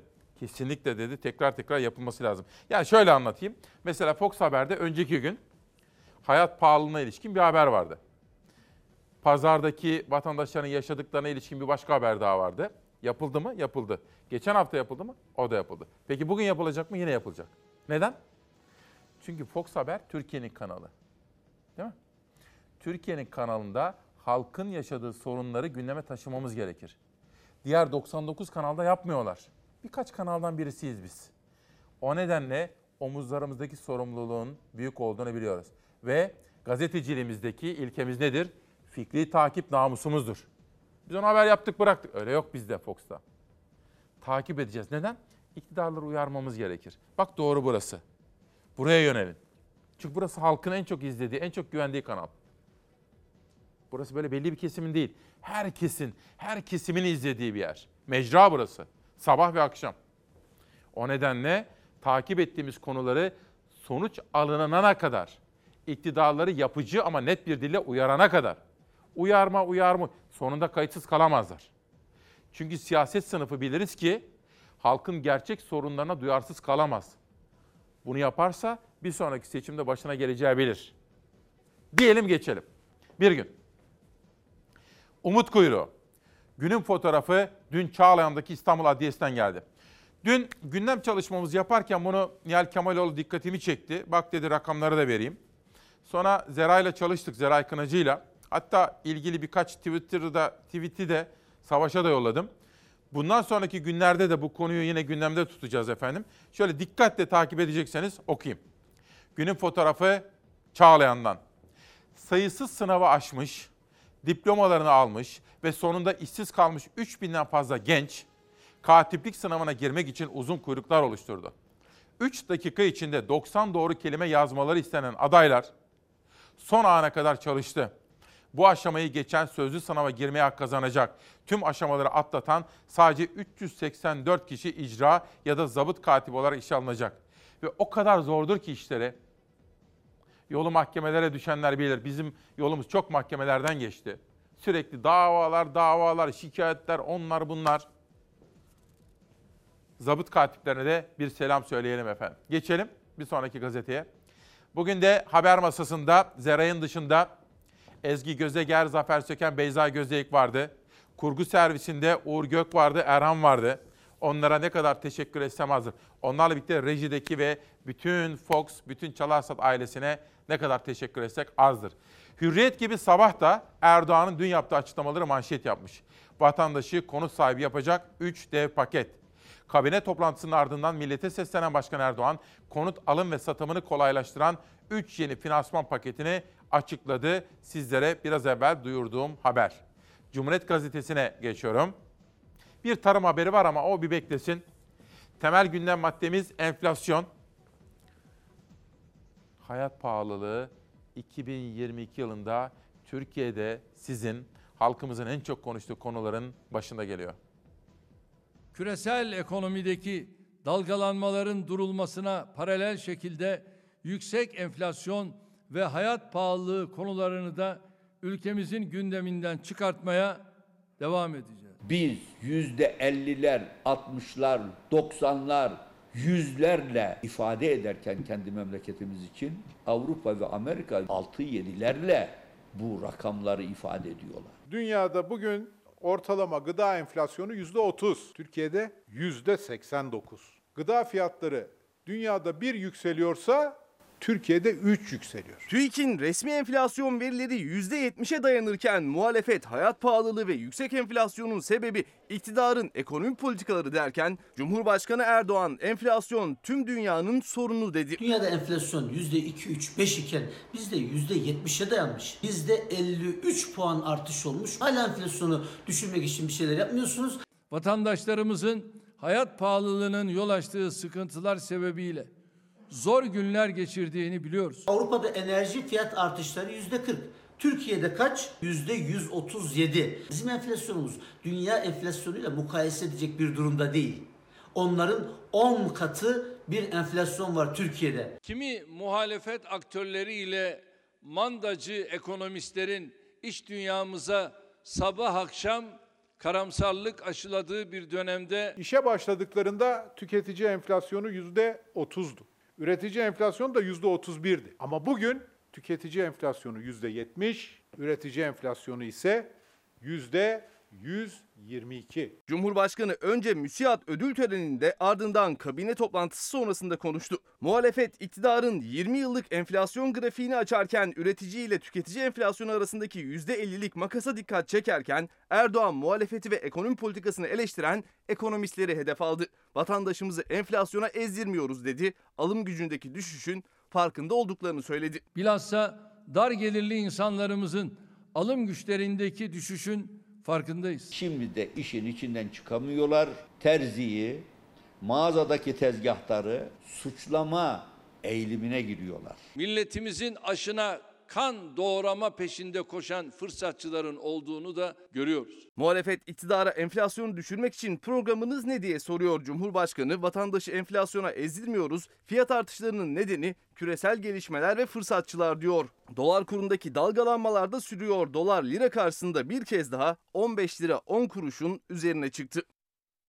Dolarda da bir hareketlilik var. 15 lirayı aştı. 15 lira 13, 15 lira 14 oralarda, o seviyelerde efendim. Doların ne kadar yükselmesi bizim o kadar fakirleşmemiz anlamına geliyor. Bakın Engin Güner bir tweet atmış, bize göndermiş. Vay halimize dedik ya, vay halimize. Dolar 15 liraya, euro 16 liraya aştı. Daha da yoksullaşıyoruz. İşsizlik, pahalılık, geçim derdi, yarı aç okuyan gençler, yeterince beslenemeyen çocuklarımız. Her geçen gün inatla aynı hatada ısrar eden yönetim. Umutların, hayallerin yitirilmesi yazık bu ülkeye demiş Engin Güner atmış olduğu sosyal medya mesajında. Cumhuriyet'ten bir tarım haberi. Aa, bir dakika, bir dakika, bir dakika. Gazi Paşa'dan Hidayet Bilgiç bakın. Diyor ki, şimdi size şunu bir okumak istiyorum. Günaydın. Gazi Paşa toptancı halinde salatalık 1 lira. Patlıcan 5 lira, fasulye 8 lira. Tüketim bölgelerinde ise her birinin fiyatı 30 lira. Çiftçi ürününe ucuza satıyor, kazanamıyor. Tüketici ürünü pahalı aldığı için tüketemiyor. İki tarafta zarar ediyor. Sistemde bir sorun yok mu? E var. Var. İthalat olmazsa açız diyor bakın. Buğday Türkiye'nin yurt dışından aldığı ürünler arasında ilk sırada. Dün Milli Gazete de böyle bir manşet atmıştı. Ya Türkiye gibi bir ülke buğday ithal ediyor ya. Olacak şey değil. Mercimek, ayçiçek yağı. Biraz sonra Gürsel Erol'a bunu soracağım. Çünkü siyasette farklı bir söylem takınan bir isimdir. Tunceli doğumlu, Tunceli milletvekili. Şimdi Elazığ milletvekili oldu. Hay dedi ben partime Elazığ'dan bir milletvekili kazandırmak istiyorum. 30 küsür yıl sonra. Kendisine hem bunu soracağım hem de Cumhuriyet'in şu manşetine bakın. Sermayenin partisi AKP diyor. Küçültelim arkadaşlar. Biraz sonra konuğuma Elazığ milletvekiline bunu da soracağım. Depremzedelerle ilgili de soru hazırladım. Onu da peşin peşin ilan edeyim. İktidarın aldığı sözde ekonomik önlemler emekçiyi vurdu manşeti gelmiş efendim. Peki bu durumda ne yapılması gerekir? Bu durumda dün AK Parti'nin meclisteki ekonomi kurmaylarından Cevdet Yılmaz'ın da altını çizdiği gibi benim işçinin, memurun, emeklinin, asgari ücretle geçinenin bu kadar pahalılıktan sonra kazancımız eridi ya, bunların telafi edilmesi yani arazam gerekir. Temmuz ayında yapılacak enflasyon farkı artışları ve diğer düzenlemelerle dar gelirlilerin alım gücünü biraz daha iyileştireceğiz. Çalışma Bakanı 1 Mayıs'ta emeklilere müjde vereceğim dedi. Müjde verildi mi? Yok. Vatandaşlar dalga geçiyorlar. Emekli, memur, çalışan yüksek enflasyon karşısında ara zam beklerken Cumhurbaşkanı Erdoğan alım gücünü iyileştireceğiz dedi ama detay paylaşmadı. Çalışma Bakanı'nın 1 Mayıs sözünün üzerinden de 10 gün geçti. Sayın Cumhurbaşkanımız 1 Mayıs'ta gerekli müjdeleri bütün toplumumuzla paylaşır. 1 Mayıs geçti gitti. Ramazan bayramı geçti gitti. Ama ortada açıklamaydı, sürprizdi yok. Bakan maşallah dut yemiş bülbül. Enflasyonu yüksek olduğu zaman da iki zam arasındaki süreçte alım gücü aşağı düşüyor. Mutlaka ama mutlaka aylık eşemobi sistemi devreye girsin. Memur Temmuz ayındaki enflasyon farkını beklemeden enflasyonun şimdiden ay ay maaşlara yansımasını istiyor. Emekliler eriyen alım gücü karşısında ara zam bekliyor. Asgari ücretliler gibi tüm çalışanlarda. Yılbaşında asgari ücretten işçi, memur ve emekli maaşlarına kadar geniş bir alanda ciddi artışlar yaptık. 2021'in Ocak ayından bu yana gerçekleşen enflasyon %76. Aynı dönemde yapılan asgari ücret zammı %50,5. Bunun adı emeğin sömürüsüdür. Gerek KDV indirimleriyle, gerek destek paketlerimizle 85 milyonun her bir ferdinin fiyat artışlarından asgari düzeyde etkilenmesini sağlıyoruz. Bugün Türkiye'de hala 2 milyon 600 bin hak sahibi dul ve yetim 1000 TL'nin altında maaş almakta. Çalışanların %60'ı asgari ücretle geçinmeye çalışmakta. İşverenlerimize çalışan başına 450 lira avantaj sağlayan bu uygulamayla devlet olarak elimizi taşın altına koyduğumuzu göstermiş olduk. Cumhurbaşkanı asgari ücretteki vergi muafiyetiyle işverene destek sağladık derken milyonlarca çalışan emeklinin maaşına ek destek nasıl sağlanacak sorusu yanıt bekliyor. Mayıs içinde bitireceğimiz çalışmalardan birisi de 3600. Bakanın Mayıs ayına ilişkin verdiği bir başka sözde 3600 düzenlemesine ilişkindi. Bugün bakanlıkta 3600 ek göstergeyle ilgili 3. toplantı yapılacaktı ama ileri bir tarihe ertelendi. Gerekçe bakanın iş sağlığı ve güvenliği nedeniyle yoğun programı. Vay halimize dedik. Bugün manşetimiz. Bakın Murat İde, İyi Parti lideri Akşener'in basın danışmanı diyor ki bir mesaj yollamış. Vay halimize. Vay halimize İsmail'im. Fransa kraliçesi zamanında ekmek bulamayan pasta yesin demiş. Ekmek bulamayan pasta yesin. Bugünün Türkiye'de ekmek bulamayan ev alsın mı deniyor. Sırf bu yüzden vay halimize diyor Murat İde. Tabii o da bir gazeteci olduğu için manşeti atmış Murat'a da buradan bir selam olsun. Efendim ben tabii Tunceli doğumlu dedim ama aslında benim benim arkadaşım çok uzun yıllardır onu da söyleyeyim peşin peşin. Aslında Elazığ doğumlu ama Tunceli Kütüğü'ne kayıtlı. Şu anda CHP'nin Elazığ milletvekili her zaman farklı söylemleriyle dikkat çeken bir siyasetçi Gürsel Erol bizimle demokrasi meydanında. Gürsel Erol hoş geldiniz. Evet teşekkür ederim. Günaydın, iyi yayınlar. Teşekkür ederim. Kravat çok şıkmış. Teşekkür ederim. Giderken bırakayım. Estağfurullah çok teşekkür ederim. Ne var ne yok? Her şey yolunda mı? İyi bir yaramazlık yok. İşte bir sağlık problemi yaşamıştım ama şu anda gayet iyiyim. Herhangi bir problem yok. Çalarsat ailesi çok selam söyledi sana o zaman geçmiş olsun Evet, dedi. Çok teşekkür dualar ederim. ettiler Evet, sana. sağ olun. Hepinize Sağ salim böyle ederim. güçlü kuvvetli gördük seni. Peri nasıl? Peri de iyi. Artık ayın 15'te itibaren de ben de seçim bölgemde olacağım. Elazığ'da? Ee, kampanyayı Elazığ'da başlatıyoruz. Ta- başlatıyor. Seçim, tabii tabii. Seçim, Seçim kampanyasını Elazığ'da başlatıyoruz. Tabii normalde bir seçim beklentimiz muhalefet partisinin sürekli bir erken seçimle ilgili bir beklentisi var. Yani bu şartlarda ülkenin daha fazla bu iktidar tarafından yönetilmesi mümkün değil. Kriz gittikçe büyüyecek, yokluk gittikçe farklılaşacak, yoksulluk gittikçe artacak, insanların alım gücü gittikçe düşecek. Ee, bu tür durumlarda sürekli erken seçimin şöyle bir yararı vardır. Geçmişte bu hep parlamenter sistemde olmuştur. Yeni bir moraldir. Yani eğer insanlar mevcut iktidarın devamından memnunsa ona bir güven oyu verir. Ama mevcut iktidarın yönetiminden memnun değilse e, alternatifi e, alternatif partileri seçerek yeni bir heyecan yaratır ve yeni bir umut yaratır. Yani bu anlamda Türkiye'nin bir an önce bir seçime ihtiyacı var. Bir şey diyeceğim. Adalet ve Kalkınma Partisi'nin hikayesi bitti mi yani? Onu mu demek istiyorsun? Bence bitti. Bitti mi? Şimdi Sayın Cumhurbaşkanı kadrolar için metal yorgunluğu var diyordu ya. Aslında metal yorgunluğu yalnızca kadrolarında değil sen kendisine de başladı. Şimdi şöyle değerlendirin. Adalet ve Kalkınma Partisi 2009-2010 yılına kadar doğru işler yaptı mı? Yaptı. Ama o zamanki kadrolarına bakın. Kim? Merkez sağda devlet geleneğinden gelen siyasetçiler. Cemil Evet. Çiçek gibi, Abdülkadir Aksı gibi, e, Hüseyin Çelik gibi, Köksal Toptan gibi. Yani bütün partilerde daha deneyimli, devlet geleneğine hakim siyasetçiler o partinin içerisinde etkin oldukları için daha doğru işler yapıyorlar. Veya milli görüşten gelenler vardı. Abdülatif Şener, Abdullah Tabii Gül, tabii onlar tabii. bunlar Ya da. devlet geleneğini bilen siyasetçiler. Ali Babacanlar. hakim. Ama şimdi öyle değil. Şimdi tamamen siyaseti bir ticarethane gibi, bir holding gibi yönetme anlayışıyla e, daha doğrusu iktidarı, hükümeti yöneten bir anlayış var. Zaten Sayın Cumhurbaşkanı bu partili Cumhurbaşkanlığı sisteminde geçerken iddiası da oydu. Yani diyordu ki biz devleti anonim şirket gibi yöneteceğiz. Ha, bir CEO Halbuki bu gibi yanlış. diyor. Anonim şirket şahıs malıdır. Kar zarar dengesine göre kararlar alırsınız ama devleti öyle yönetemezsiniz. Devletin gelenekleri, kuralları, kurumları ve kanunları vardır. Yani bunun dışına çıktığınız anda orada yönetim krizi doğar. Yönetim krizi siyaset krizini yaratır. Siyaset krizi ekonomik krizi yaratır. Bunlar birbirini tetikler Peki. ama bugün itibariyle AK Parti siyasi ömrünü bence tamamlamıştır ve e, artık Türkiye'de yeni bir dönem inşallah ilk seçimden sonra başlayacaktır. Peki.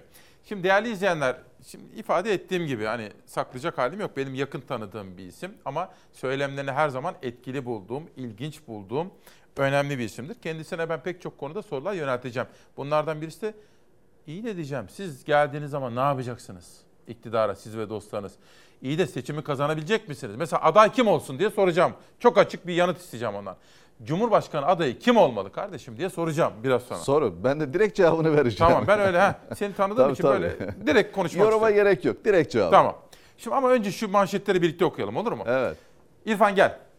İktidarın aldığı sözde ekonomik önlemler emekçiyi vurdu. Sermayenin partisi AKP diyor.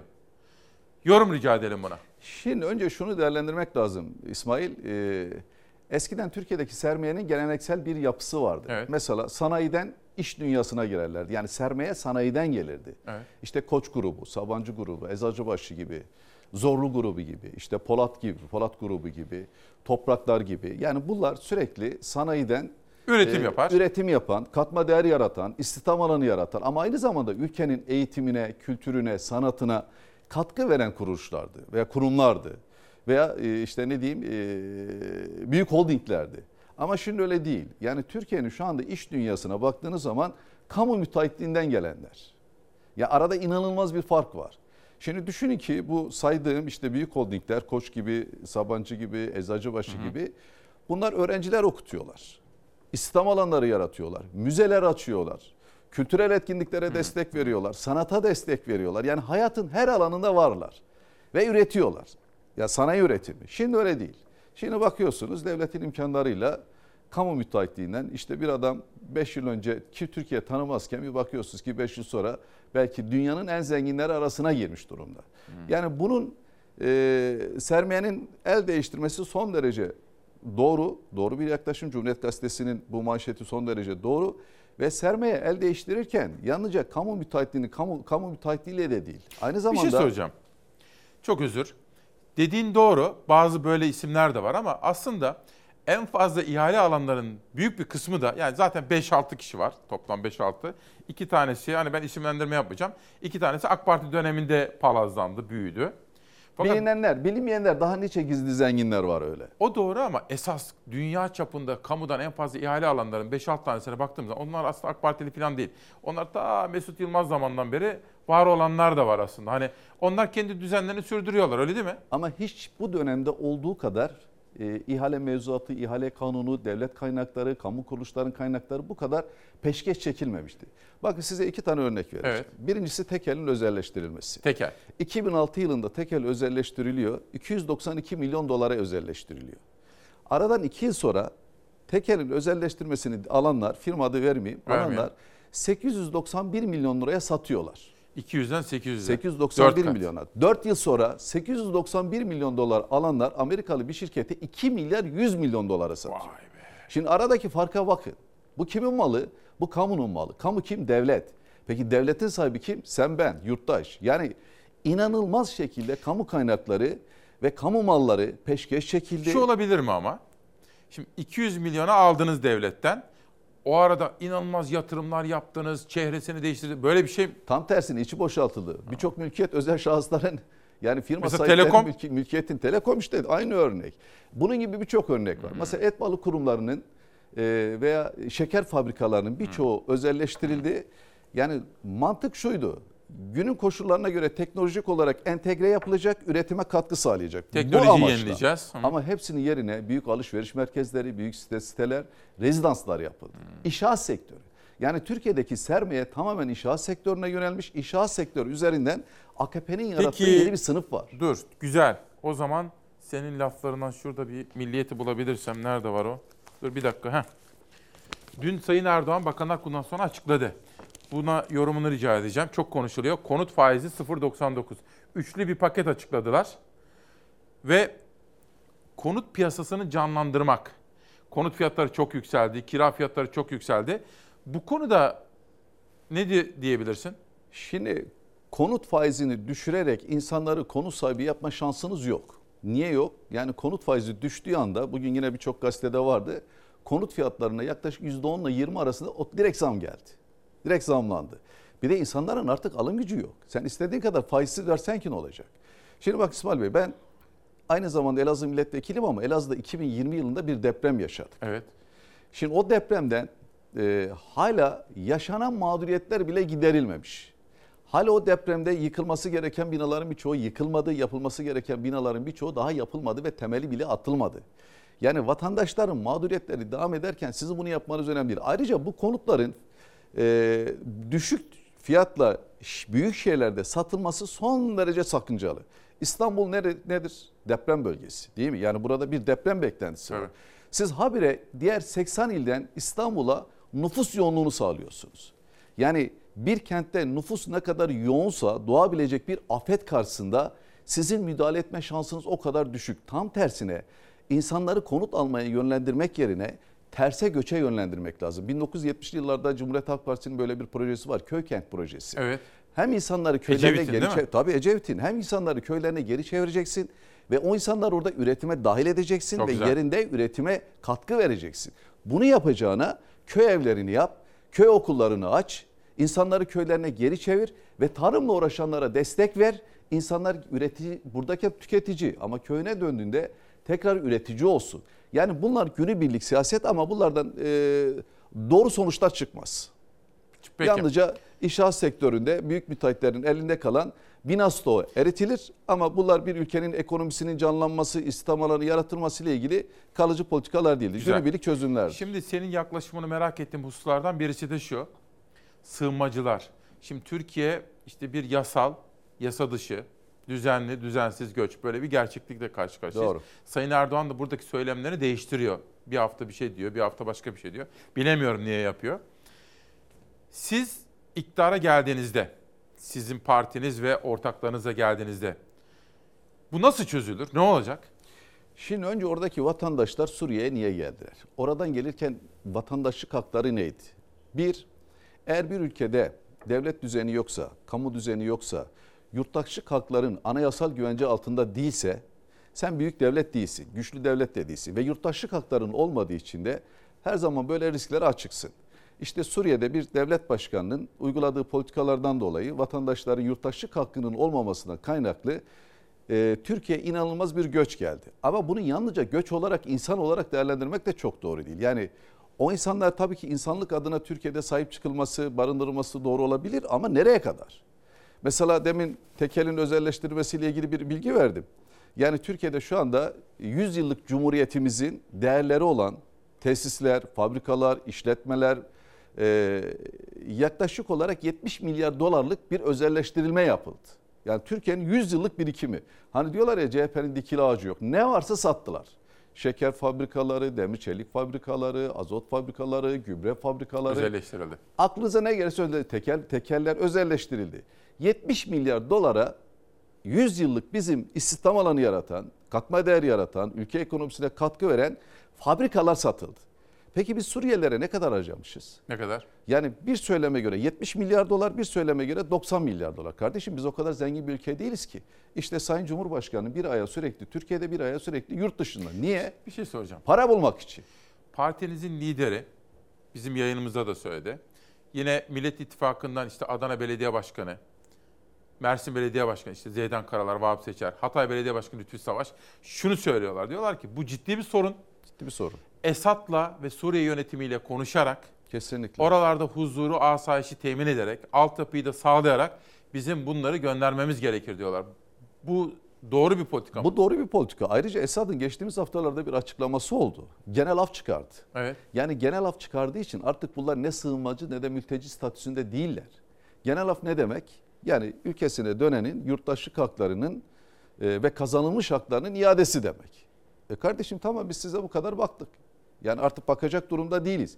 Yani Suriyelilere bakmak adına Türkiye'yi batırmanın bir anlamı yok. Ya Türkiye böyle giderse bu mantıkla, bu kafayla, bu harcamalarla giderse ayakta kalma şansınız yok. Siz 3-5 milyar dolar parayı nereden bulacağım diye düşünürken siz Suriyelilere 90 milyar dolar harcayamazsınız.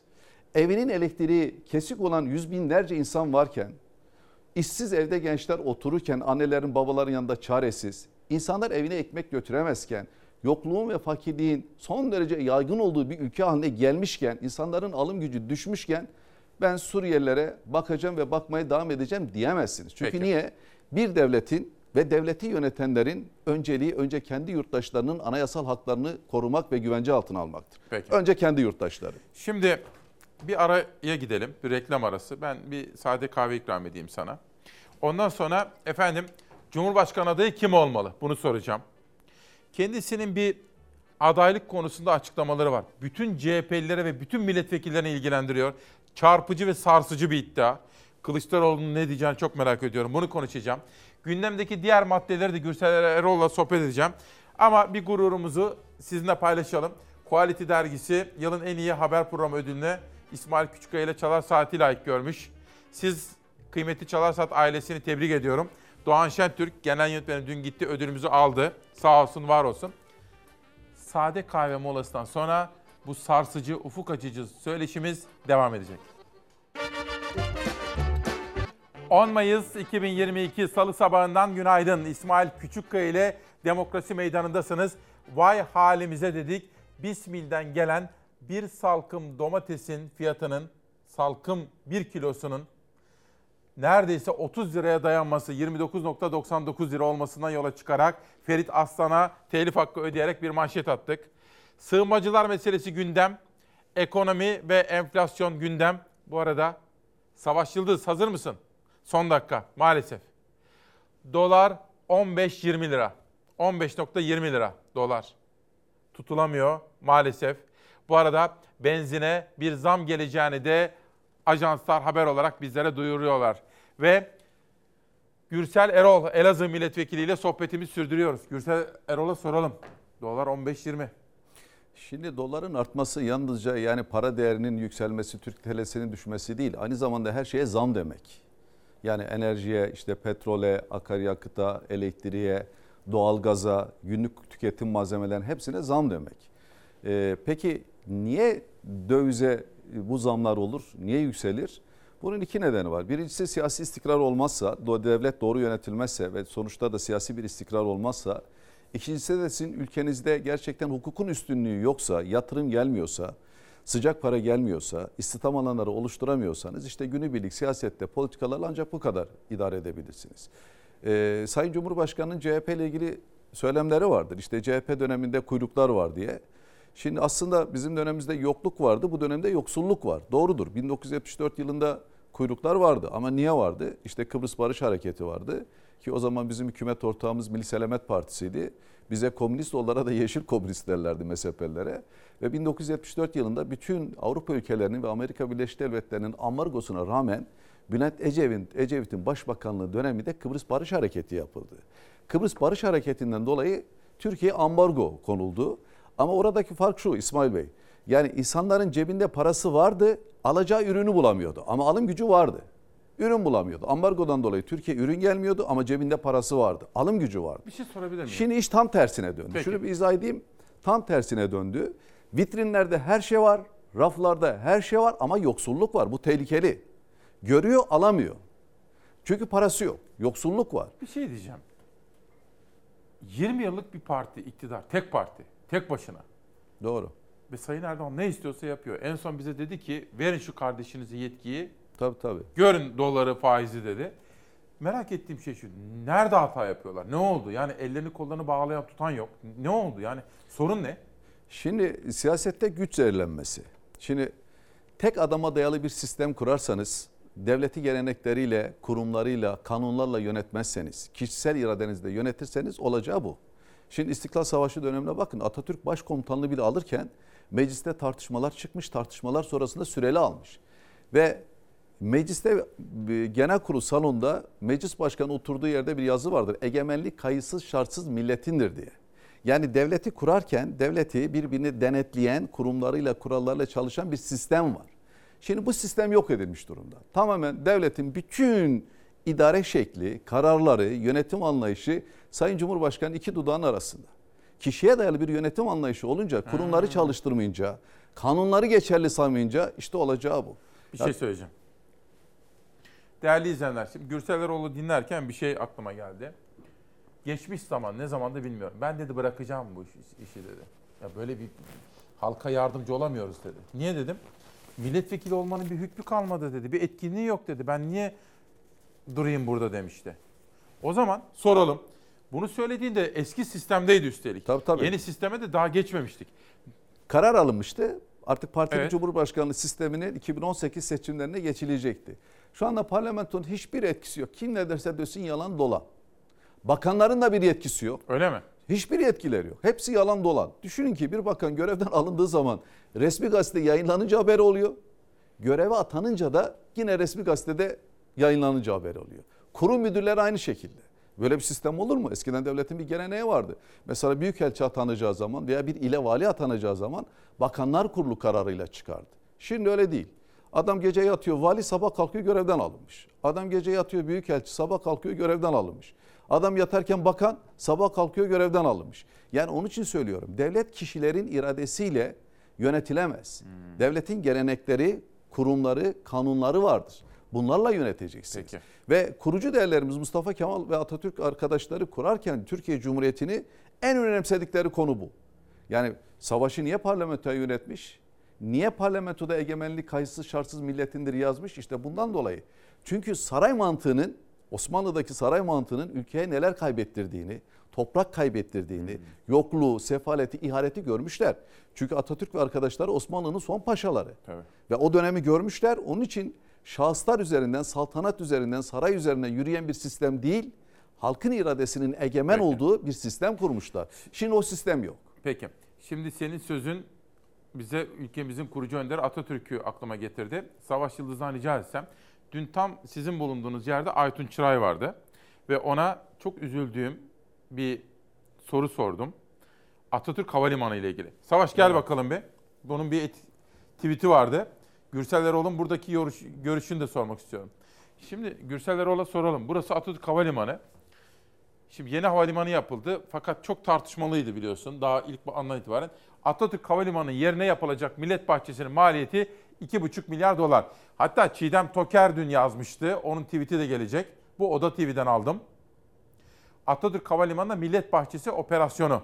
TOKİ pazarlık usulü ihale yaptı. İstanbul Havalimanı'nı yapan 3 şirketin olduğu 6 şirketi çağırdı. Yapı yapı 2 milyar 127 milyon 978 bin lira teklif verdi. Zemin kırılacak.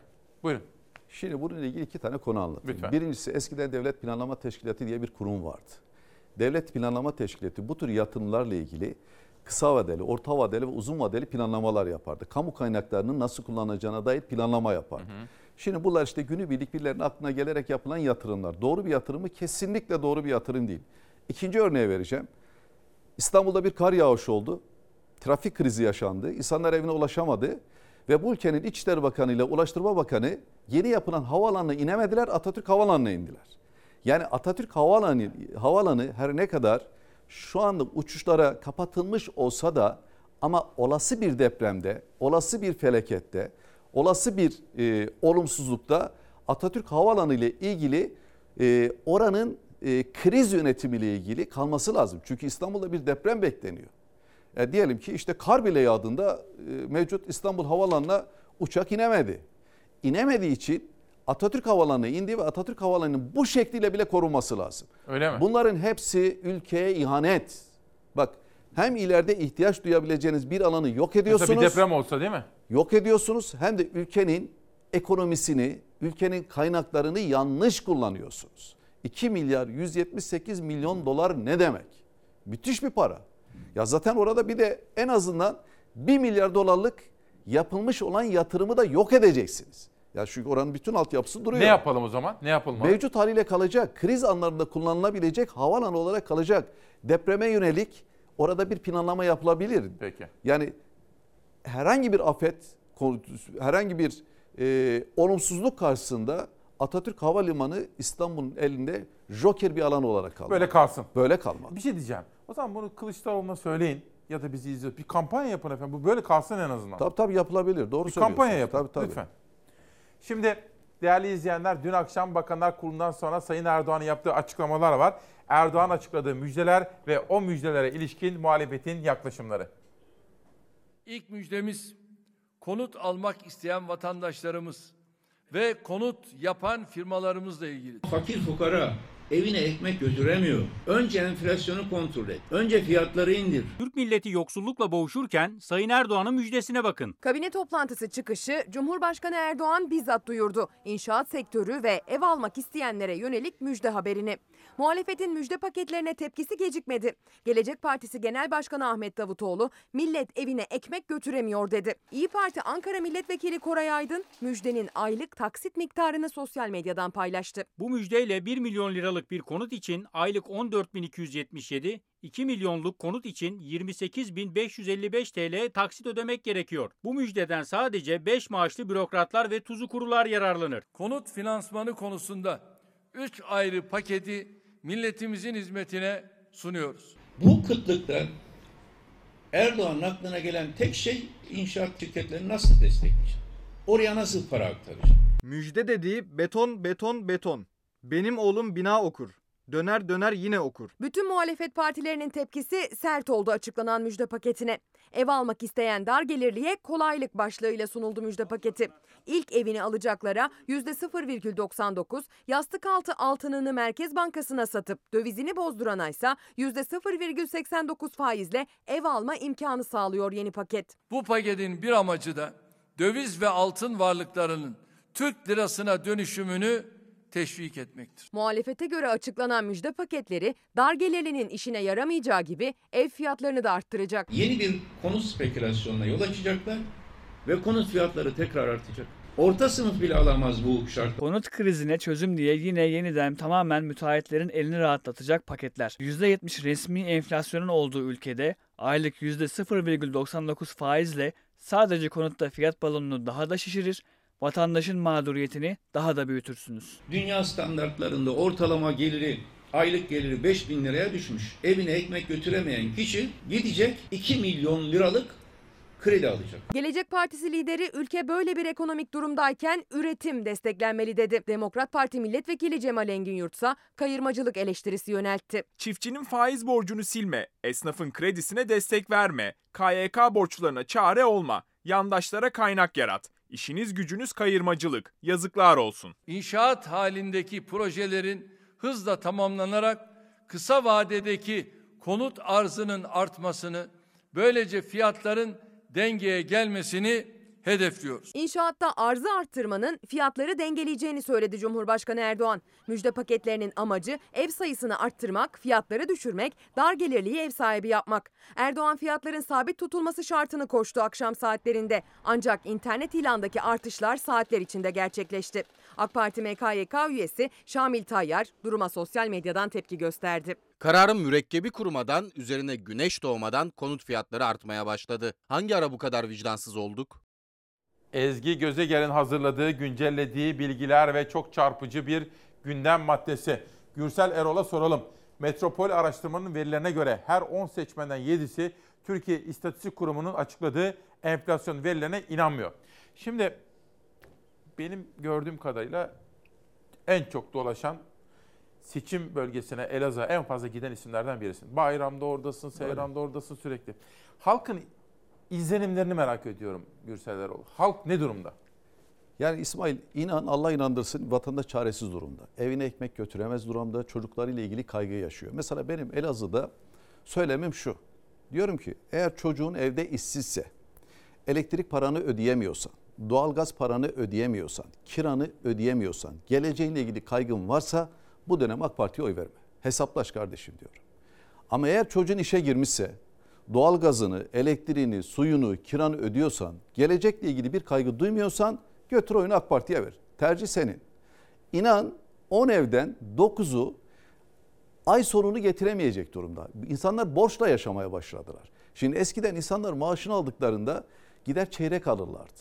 Yani birikim olsun diye.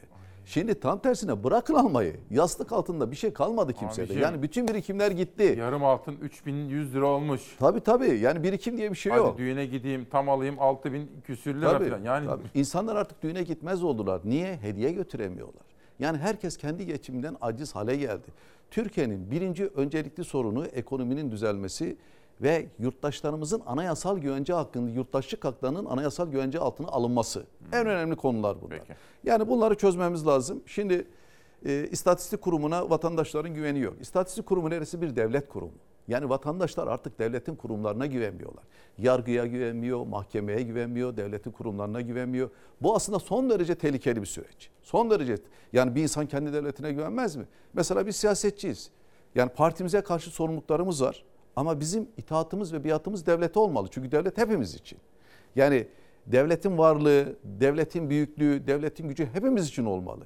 E şimdi vatandaşın devlet kurumlarına güveni kalmadığı bir ortamda hiç siyasetçiye de güveni kalmaz, sisteme de güveni kalmaz, otoriteye de güveni kalmaz. Tehlikeli olan bu. Peki. Şimdi Süleyman Bey'den bir soru. Önce işçi çocuklarımızın iş bulma umuduyla ilgili bir haber hazırladık onu söyleyeceğim ama Süleyman Bey diyor ki yapmayın böyle diyor. Mıhladınız kaldınız öyle kaldık diyor. Adayın kim olacağını açıklasın işe gideceğim diyor. bir dakika bekleyin Süleyman Bey. Savaş hazır mıyız? Bizim buradaki bütün çabamız ama bütün çabamız çocuklarımız okula gitsinler. Mezun olsunlar. Eğitimlerini tamamlasınlar. Ondan sonra iş bulsunlar, iş kursunlar, yuva kursunlar. Güzel bir hayatlar olsun. Bütün çabamız bunun için. Ne kadar süredir işsizsiniz? 5-6 aydan beri işsiziz. Plastik topluyorum, nalan topluyorum. Yaş kaç efendim? 58. Ne iş arıyorsunuz? Bulaşık.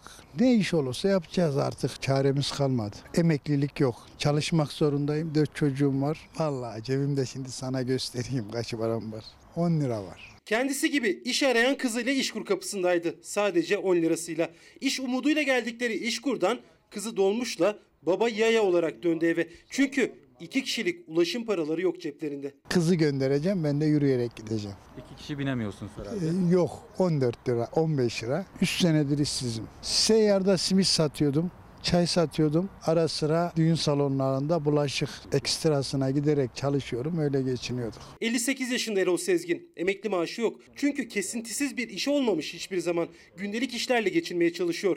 Milyonlar gibi O da devamlılığı olan bir iş arıyor.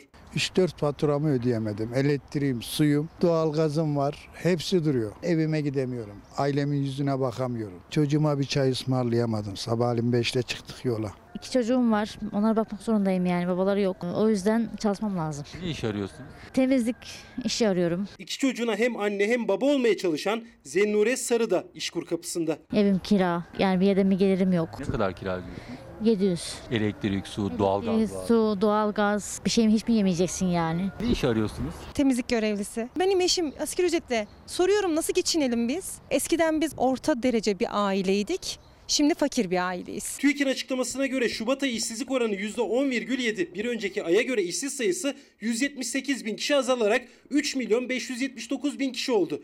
Ama İşkur kapısında bekleyen azalmıyor. Kiramız şu anda 1000 lira. 300 lira elektrik geliyor. 200-250 lira su geliyor. Doğalgazımız var tabii ki de. Bir yağ aldım, bir peynir aldım, bir de tuvalet kağıdı aldım. Bir gün te- temizlik yaptığım paraya. Şu an cebimde valla 20 lira param var. Gösterebilirim yani. Dolmuş parası yani biliyorsunuz bir dolmuş 20 bin 7 lira. Simit bile alamıyoruz yani. O kadar mağduruz. İş arıyoruz, iş bulamıyoruz. Eşimin maaşı yok. Günlük alıp akşam getiriyor. Kızım için mecbur evlendireceğiz. Ben de çalışmam lazım. Ev hanımıyım şu an. Nişan için 30-40 lira lazım. Nişanı ben yapacağım için. İş kuyruğu sadece İşkur kapısında değil. Adliye koridorlarında da İstanbul Adalet Sarayı'na alınacak 384 icra ve zabıt katipliği sınavına 3223 kişi başvurdu. Günümüzün şartları malum iş olanakları çok sıkıntılı olduğu için. İstanbul Adliye Sarayı belki de tarihinin en kalabalık gününü yaşadı. İş umuduyla sıraya giren gençler nedeniyle. Memleketin meselesi işsizlik. Son dakika veriyoruz. Son dakika haberi. Mart ayı işsizlik rakamları açıklandı. 11.5 resmi rakamlara göre Türkiye'de işsizlik %11.5. Bu bir önceki aya göre işsizliğin 0.8 oranında arttığını gösteriyor. 11,5 işsizlik var. Bir önceki aya göre %0.8 oranda işsizlik artmış. Ve Gürsel Erol'a soracağım ama önce AK Parti liderinin Cumhurbaşkanı'nın bu konudaki yaklaşımlarına bir bakalım. Yerli ve yabancı müteşebbislerin yatırım iştahı sürekli artıyor. Nisan ayı itibariyle 12 aylık ihracatımız 240 milyar dolara aştı. Yıl sonu hedefimiz olan 250 milyar dolara emin adımlarla ilerliyoruz. İkisini bir değerlendirirsen çok memnun olurum. Şimdi bir defa bu işsizlik oranının gerçekçi olduğunu asla inanmıyorum. Bunu kendi ilimden de biliyorum. On binlerce işsiz gencimiz var. Bizim Elazığ'ın Gazi Caddesi'nde bir caddesi vardır. Karşılıklı iki kaldırım vardır. Her gün binlerce genç bir sağa bir sola yürürler ki zaman öldürsünler. Bize her gün yüzlerce iş talebi gelir. İnsanlar son derece çaresiz ve umutsuzlar. Şimdi herhalde Sayın Cumhurbaşkanı bir de siyasette şöyle bir şey var İsmail Bey. Ee, siyasetin gerçekleriyle yaşamın gerçekleri çoğu zaman örtüşmüyor. Yani Sayın Cumhurbaşkanı siyasetin gerçekleri olarak kendini korumak adına bu ifadeleri kullanıyor ama sokak böyle değil. Gerçekler farklı. Yani yatırımlarla ilgili işte paylaşımda ben bakıyorum şimdi. Ya ben 3 yıldır Elazığ milletvekiliyim, 3,5 yıldır Elazığ milletvekiliyim.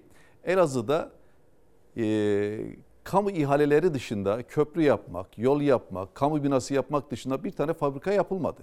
Bir tane üretim yapan firmaya destek verilmedi. Yani istihdam alanı nasıl yaratılacak? İstihdam alanı sizin kamu bütçesini yalnızca yol yaparak, köprü yaparak mümkün değil bunları yapmanız. Yani üretime destek vermediğiniz sürece, tarımı desteklemediğiniz sürece, sanayiyi desteklemediğiniz sürece, istihdam alanları yarat yaratmadığınız sürece, yeni katma değer vergisi yaratacak alanları geliştirmediğiniz sürece ve gençlere umut olmadığınız sürece bu işin çözümü yok. Peki. Ve bugün bugün geldiğimiz noktada Sayın Cumhurbaşkanı ne yazık ki Türkiye'nin sorunlarından çok kopuk, sokağı tanımıyorlar, bilmiyorlar. Yani ben bunu Elazığ'da yaşıyorum. Elazığ'da 5 milletvekiliyiz. Bir Cumhuriyet Halk Partisi'nin milletvekili var, 4 AK Parti'nin milletvekili var. Oradaki bu söylemlerimizle AK Parti'nin milletvekilleri sokağa çıkamaz hale geldiler.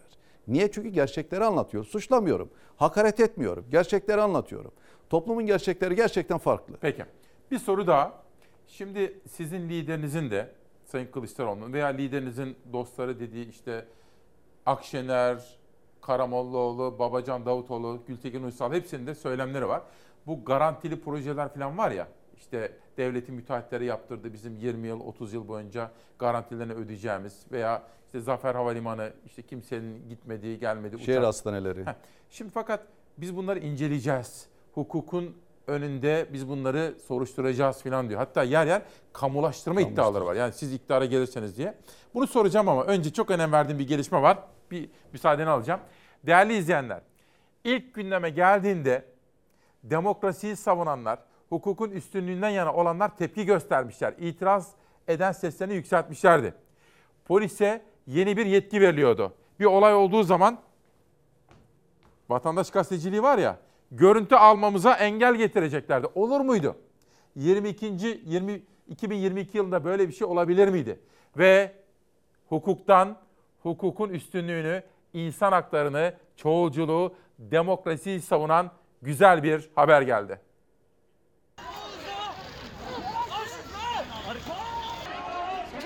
Basın kim Allah Allah kimsin diyor ya. Kamu görevlilerinin kanuna aykırı fiil ve davranışlarda bulunması halinde bunun tespit edilmesinin önlenmesine dönük bir genelge. Anayasaya, en temel hak ve özgürlüklere aykırı. İçişleri Bakanlığı Nisan 2021'de sadece toplumsal olaylarda değil polisin görev yaptığı her noktada cep telefonuyla vatandaşın görüntü çekmesini yasaklayan, çekenler hakkında işlem yapılacağını belirten bir genelge yayınladı. O genelgeyi Danıştay durdurmuştu. Danıştay İçişleri Bakanlığı ve Emniyet'in itirazlarını reddetti. Genelge hakkında kesin durdurma kararı verdi. Otoriterleşmenin daniskasıdır. Ne demek? Telefonla olan biteni çekemezsin. Diyor ki bu genelge basın görüntü alamasın ama vatandaş alıyor. Artık sosyal medya gibi çok etkili bir iletişim e, ağı var. O zaman vatandaş da alamasın ki burada yaşanan burada kalsın. Geç, yapma çekim.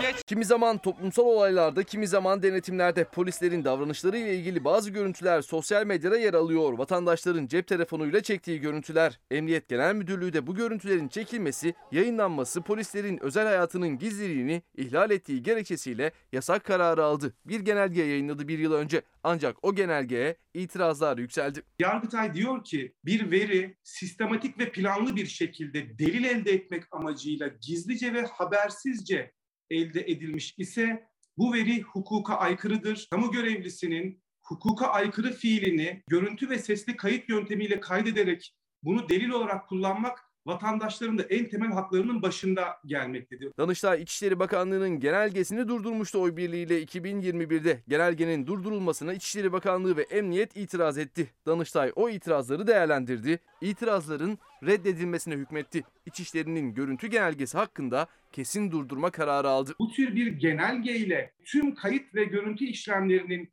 engellenmesine çalışılması tamamen hukuka aykırıdır. Neyi çekiyorsun abi? Neyi çekiyorsun ya? Hocam ben de gazeteciyim. Ya Al sana. çekemezsin bu şey sivilleri ya.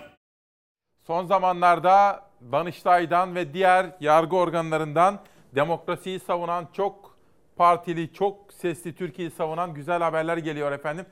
Enteresan ve önemli. Önemli bir haber. Çok önemli bir haber. Danıştay'ın bu tür kararlara imza atması, karar vermesi de son derece sevindirici. Özellikle dediğiniz gibi son zamanlarda yüksek yargıda e, devlet, kamu lehine ve vatandaş lehine bu tür haberler çıkıyor. Güzel. Bunun en büyük nedenlerden birisi bence e, buradaki hakimlerin, yargıçların tabii yıllara dayalı bir meslek kariyerinden gelmiş olması ve hali devlet geleneklerine bağlı olmuş olmasından. Yani siyasal bir kadrolaşma buralarda çok oluşamadı. Ama ona rağmen, her şeye rağmen gerçekten yüksek yargıdan kamu adına da yurttaşlarımızın haklarının korunması adına da böyle kararların çıkması son derece sevindirici ve umut verici. Peki. Şimdi biraz evvel anons ettiğim soruyu sorayım. Evet. Partiniz ve dostlar iktidara gelirse ne yapacaksınız? Kamulaştırma mı yapacaksınız? Şimdi kamulaştırma aslında devletleştirme. Ee, şimdi bu projelere yap işlet devlet projesi diye tanımlıyorlar. Aslında bunlar yap işlet devlet projesi değil. Bunlar e, kamu garantili projeler. Niye değil? Mesela bu yap işlet devlet modeli ilk kimi zamanda uygulandı? Tur, Turgut Özal döneminde. Allah rahmet eylesin Turgut Özal döneminde uygulandı.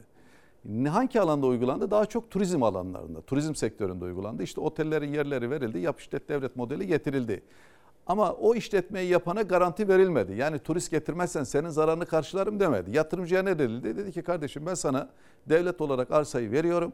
Sen otelini yap. İster kar et ister zarar et. Ben sana yeri veriyorum. Yap işlet devlet modeli bu. Bunlardaki sistem ne? Bunlar da yap işlet devlet değil. Herhangi bir anlaşmazlık halinde yetkili mahkemeler Türkiye'deki mahkemeler değil. Londra'daki mahkemeler. Herhangi bir e, zarara yönelik garanti edilen geçiş olmadığı zaman devlet onu garanti ediyor.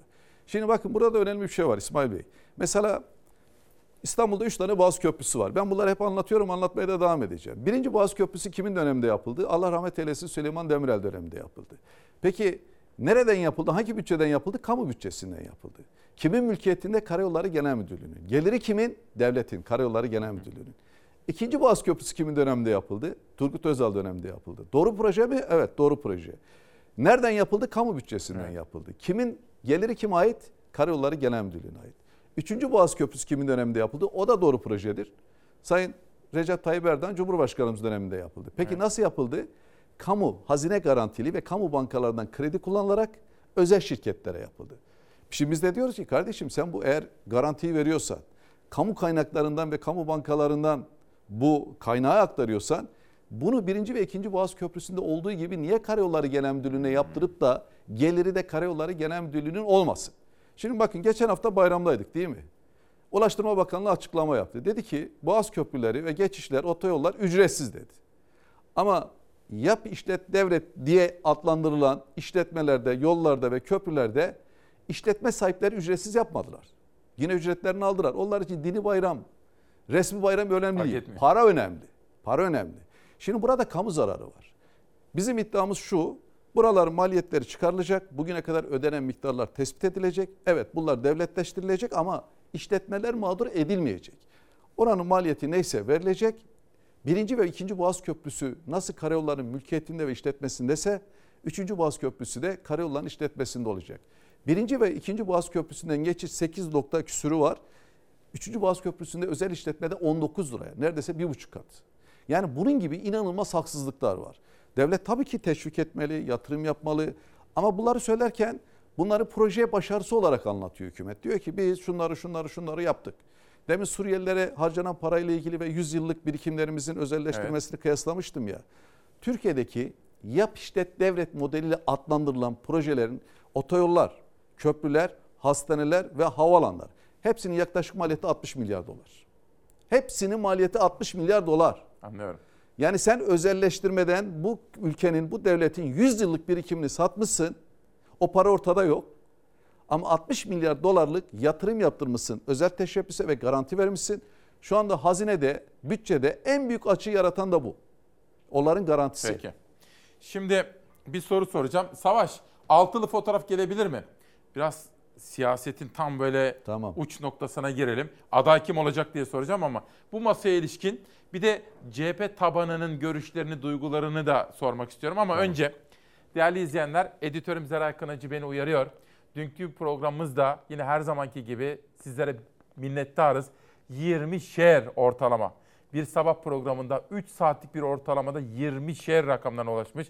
Bu dakikalıklara vardığı zaman yer yer Türkiye'de bu saat diliminde açık 3 televizyondan birinin bizi izlediği anlamına geliyor. İlginize, teveccühünüze, varlığınıza minnettarız efendim. Sizin bu ilginiz ve güveniniz bizim omuzlarımızdaki sorumluluktur. Çok teşekkür ediyorum. Bu arada Quality dergisi de, hah, yanlış tutuyoruz. Quality dergisi de İsmail Küçükkaya ile Çalar Saat programını yılın en iyi haber programı seçmiş. Genel yayın yönetmenim Doğan Şentürk, Çalar Saat ve Fox adına gitti. Sağ olsun, var olsun. Bizim adımıza ödülü aldı. Bu haberi izleyelim. Dönüşte Gürsel Erol'a Cumhurbaşkanı adayı kim olsun diye soracağım. Hafta içi her sabah İsmail Küçükkaya ile Çalar Saat'le uyanmak bizim için bir alışkanlık. Elbette sizin için de. En kualite haber sunucusu da bu noktada Yegane izlediğim haber programlarından bir tanesi Çalar Saat İsmail Küçükkaya. Quality of Magazine ödülleri görkemli bir geceyle sahiplerini buldu. Bu yıl 13.sü düzenlenen ödül töreninde İsmail Küçükkaya ile Çalar Saat en iyi haber programı ödülüne layık görüldü. sormaya, sorgulamaya ve saklamamaya devam diyor. Her yıl düzenlenen ödül töreni bu yıl yine medya, sanat ve iş dünyasında çok sayıda ismi bir araya getirdi. En iyi haber programı seçilen İsmail Küçükkaya ile Çalar Saat programına Quality of Magazine Genel Yayın Yönetmeni Salih Keçeci ve iş insanı Yalçın Şahin'in takdim ettiği ödülü Fox Haber Genel Yayın Yönetmeni Doğan Şentürk aldı. Geçen yıl biz en iyi ana haber merkezi ödülü almıştık. Bugün de Çalar Saat İsmail Küçükkaya'yla Demokrasi Meydanı'na verildi. Ee, İsmail adına da kendi adıma da haber merkezimiz adına da teşekkür ediyorum. Bu vesileyle Quality of Magazine'in 13. yaşını Salih Keçeci, Salih abi, Kaptan Salih Keçeci nezdinde kutluyorum. Çok teşekkür ediyorum. Hepinize iyi akşamlar diliyorum. Sormaya, sorgulamaya ve saklamamaya devam diyorum. Türk televizyon tarihinin duayen yöneticilerinden Faruk Bayhan da gecede onur ödülünün sahibi oldu. Bu benim birinci hatta 51. yılım. Bu ödül de bu yıla denk geldi. Onun için çok mutluyum. Başta Salih Keçici'ye ve seçici kurula çok teşekkür ediyorum efendim. Savaş gel bakalım altılı fotoğrafa. Şimdi Gürsel Erol'a 1 milyon dolarlık soru soracağım. Evet. 10 numaralık de parayı katma. Katlayayım mı? 10 Tamam numara peki. soru soracağım. Hani yabancılar öyle 1 milyon dolarlık question. Ha dolar da arttı. Savaş da onu Evet. söylüyor. 1 million dollar question derler ya bunlara. Bak şimdi bu altılı masadan şöyle tartışmalar çıkıyor. Diyelim CHP listelerinden mesela Gültekin Bey, mesela Ali Babacan, Temel Bey, Sayın Davutoğlu hani Akşener'in kendi partisinin daha farklı bir durum var ama Doğru. Millet İttifakı CHP listelerinden milletvekili adayı olsalar ne olur mesela? Partinin teşkilatı ne hisseder, ne söyler? Hiç sorun yok. Bizim şu anda Cumhuriyet Halk Partisi'nin yönetim kadrolarında görev alan sıfatımız, ünvanımız ne olursa olsun bir tek hedefimiz var. Bu seçimi kazanmak, bu iktidardan ülkeyi kurtarmak. Onun için hiçbirimiz koltuklarımızın hesabını yapmayacağız ve yapmamalıyız. Yani bizim milletvekilliğimizin ülkenin geleceğiyle ilgili yaşanan riskler karşısında hiçbir önemi yok. Zaten milletvekili sosyal bir güvenceye dönüşmüş. Yani eskisi gibi etki alanı yaratan milletvekilliği bir sıfatı ünvanı yok. Sosyal güvenliği, sosyal güvenliği olan, sosyal güvencesi olan özel statülü bir devlet memurluğuna dönüşmüş. Yani bu sistemin sizin milletvekilinizin bir önemi de yok. İktidar olamadıktan sonra, Cumhurbaşkanlığını kazanamadıktan sonra sizin tekrar milletvekili olmanızın da birçok anlamı kalmayacak. Onun için bakın ben buradan bu çağrıyı yapıyorum. Hiç önemli değil. Biz Cumhuriyet Halk Partisi'nin milletvekilleri koltuklarımızı böyle bir ittifakta Sayın Genel Başkanımızın uygun gördüğü her lidere vermeye hazırız. Mesela ben Elazığ milletvekiliyim. Elazığ Türkiye'nin en muhafazakar ve milliyetçi kentlerinden birisidir. Hep AK Parti 5 alıyordu. Tabii. 5-0 5-0'dı. Tabii tabii. AKP de AK Parti de öyle. Hep 5-0 yapardı. AK Parti öyle tabii, yapıyordu. tabii. 5-0 5-0 yapıyordu. Mesela Temel Bey'e ben çağrı yapıyorum. Sayın Genel Başkanımız da uygun görürse eğer böyle bir görüşme olursa ben liste biri Temel Bey'e veriyorum. Ben de liste Karamollaoğlu'na. iki oldum. Tabii Elazığ gelsin. bir. Saygıyla, onur duyarım. Vay be. Yani Temel Bey'in liste bir olduğu yerde hiç önemli değil Saadet Partisi Sen de oyu? iki. Ben de iki olurum. Hiç önemli değil. Taşıyabilir misiniz 2'yi? Hiç önemli değil. Yani bu ittifak sonuç alsın. Benim orada milletvekili seçilip seçilmemem önemli değil. Vay be müthiş. Niye önemli değil? Ya mesele bizim kendi kariyerimizi korumak değil ki, bir daha seçilmek değil ki. Mesele ülkeyle ilgili, devletin geleceğiyle ilgili artık bu sistemin yürümediğini ortaya koymak ve devleti geçmişte olduğu gibi liyakatlı yönetebilmek, geleneklerle yönetebilmek ve bu sistemden alıp parlamenter sisteme tekrar geri götürmek. Yani hep benim için önemli değil. Ben aday olduğumda 38 bin oy aldım. Saadet Partisi 6 bin oy aldı. Ama ben Temel Bey'e sıramı vererek Temel Bey Elazığ kabul ederse, liste bir olursa ben şeref ve onur duyarım. Emrinde de çalışırım. Hiç önemli değil. Vay Yeter be. ki sonuç alalım. Ne Müthiş. olacak ya? Ya İsmail Bey ülke gittikten sonra sen milletvekili olsan ne olur? Yani dolar oldu 15-20 şu anda. İnsanlar geleceğiyle ilgili kaygı yaşıyor. İnsanlar evine ekmek götüremiyor. Yani milletvekilisin sokağa çıktığın zaman günde yüzlerce insanın talebi var. İşsiz, azsız, gelecekle ilgili kaygı yaşayan böyle bir ülkede sen milletvekili olsan ne olur? Ülkede huzur olsun, demokrasi olsun, insan hakları olsun, evrensel değerler üzerinden bütün yurttaşlarımızın yurttaşlık hakları eşit ve adil olsun. Bir sıradan vatandaş da olalım. İki dönem yaptık yeter ne olacak? Peki. Bir soru daha. Şimdi burada sizin bulunduğunuz yerde ağırladım ben bütün liderleri. Hepsine de sordum. En son genel merkezde Sayın Kılıçdaroğlu'na Evet. sizin genel başkana da sordum. Bana söyledikleri birkaç husus var. Kesin ikna oldum. Biz dediler altımız ilkeleri konuşuyoruz. Doğru. Prensipleri, yol haritasını, projeyi, sorunları, sorunlara ilişkin çözüm önerilerini. Biz daha şu ana kadar aday kim olsun hiç konuşmadık ve konuşmayacağız. Bir, en son dakikada her şey belli olduktan sonra adayı belirleyeceğiz. İki, altımız beraber belirleyeceğiz mutabakatla. Ve üç, ortak adayla çıkacağız. Bu doğru mu? Bu strateji doğru bir strateji. Biz parti olarak, partinin milletvekilleri olarak da, yöneticileri olarak da e, altılı masa ittifakı ve genel başkanımızın iradesini asla tartışmayız. Bizim tabii ki adayımız var. Yani biz partili olarak kendi adayımızla ilgili tavrımızı koyacağız. Onun gerekçelerini anlatacağız. Bunda hiç şüphe yok. Ama sonuç itibariyle adaylıkla ilgili sürecin sonuçlanmasına karar verecek partide bir tek irade vardır. O da Sayın Genel Başkan'ın iradesidir. Yani Sayın Genel Başkan'ın iradesi ne tartışılabilir ne sorgulanabilir. Bugün eğer bu altılı ittifak masası bir aradaysa yani milliyetçilerin, muhafazakarların, liberallerin, sağcıların, sosyal demokratların, ülkenin geleceğiyle ilgili kaygı duyan herkesin bir arada olup ülkenin sorunlarına karşı kendilerini sorumlu hissedip ve bu siyaset mühendisliğini gerçekten hayata geçirilmişse bu başarıysa bunu sağlayanlardan en önemli etkenlerden birisi Sayın Genel Başkanımızın iradesidir. Bu iradeye de bir saygı duyarız. Ama şimdi esas soracağın soruya geleyim. Yani E, laf nereye gitti belli. Ama bir dakika, bir dakika. Şimdi AK Parti'nin meclisteki çok etkili bir ismi. İsmimi yayında söylemeyin. Polemik olsun diye değil, katkı olsun diye söylüyorum diyor. Tabii. Ama sana özelde anlatabilirim isminin Tamam. kim olduğunu. Belki çalışırsın, konuşursunuz. Bülent Tur İsmail Bey günaydın.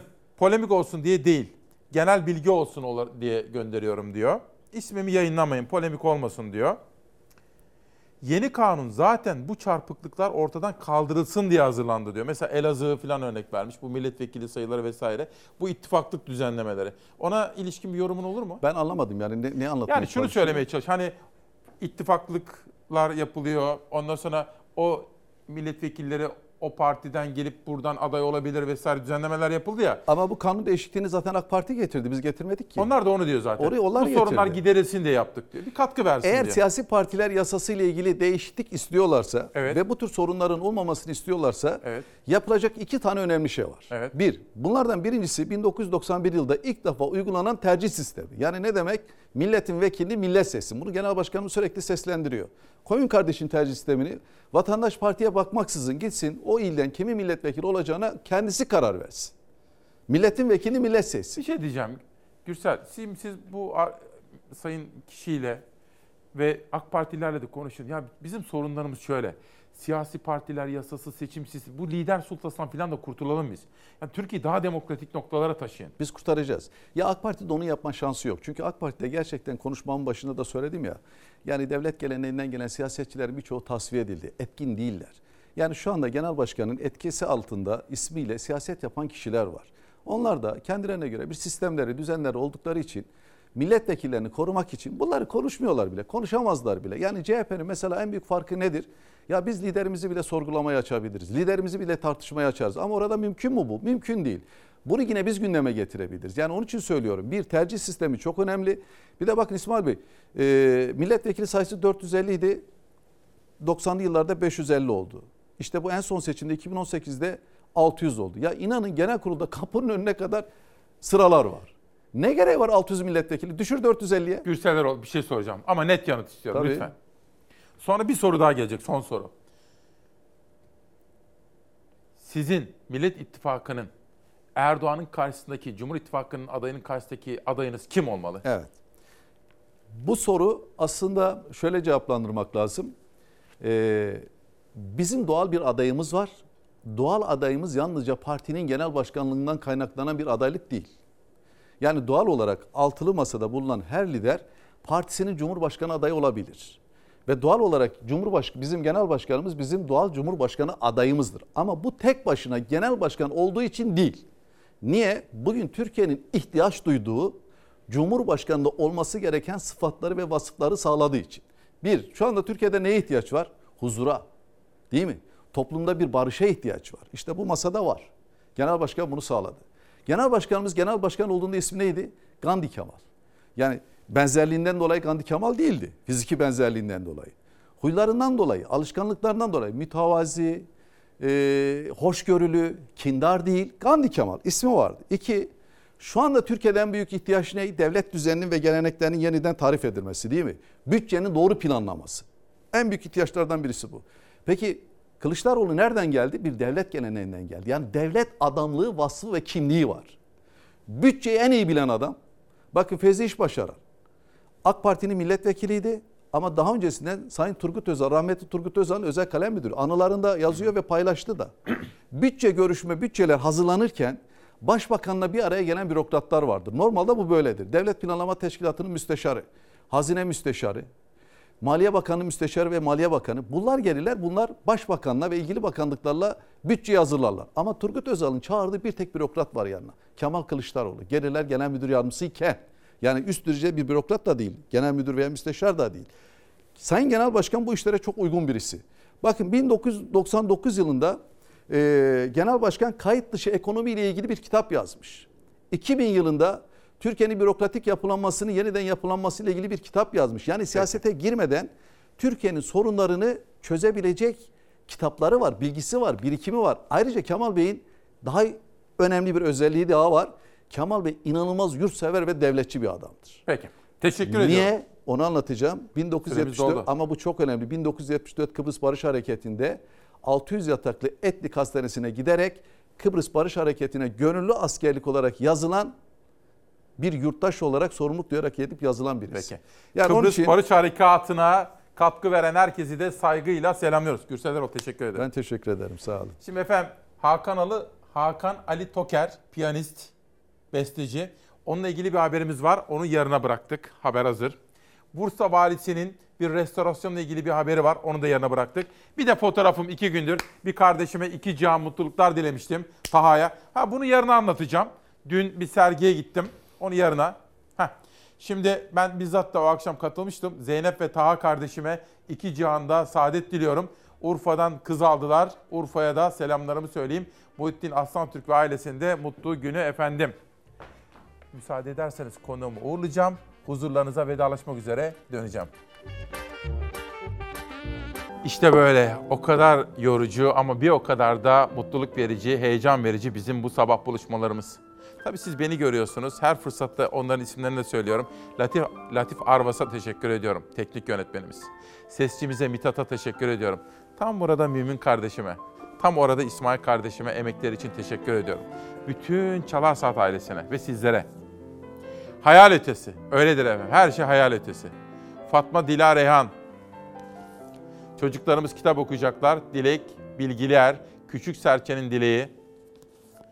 Fındıkçı Şahap, Okan Öcal ve Serda Kıranda Kapıcıoğlu birdenbire diyor.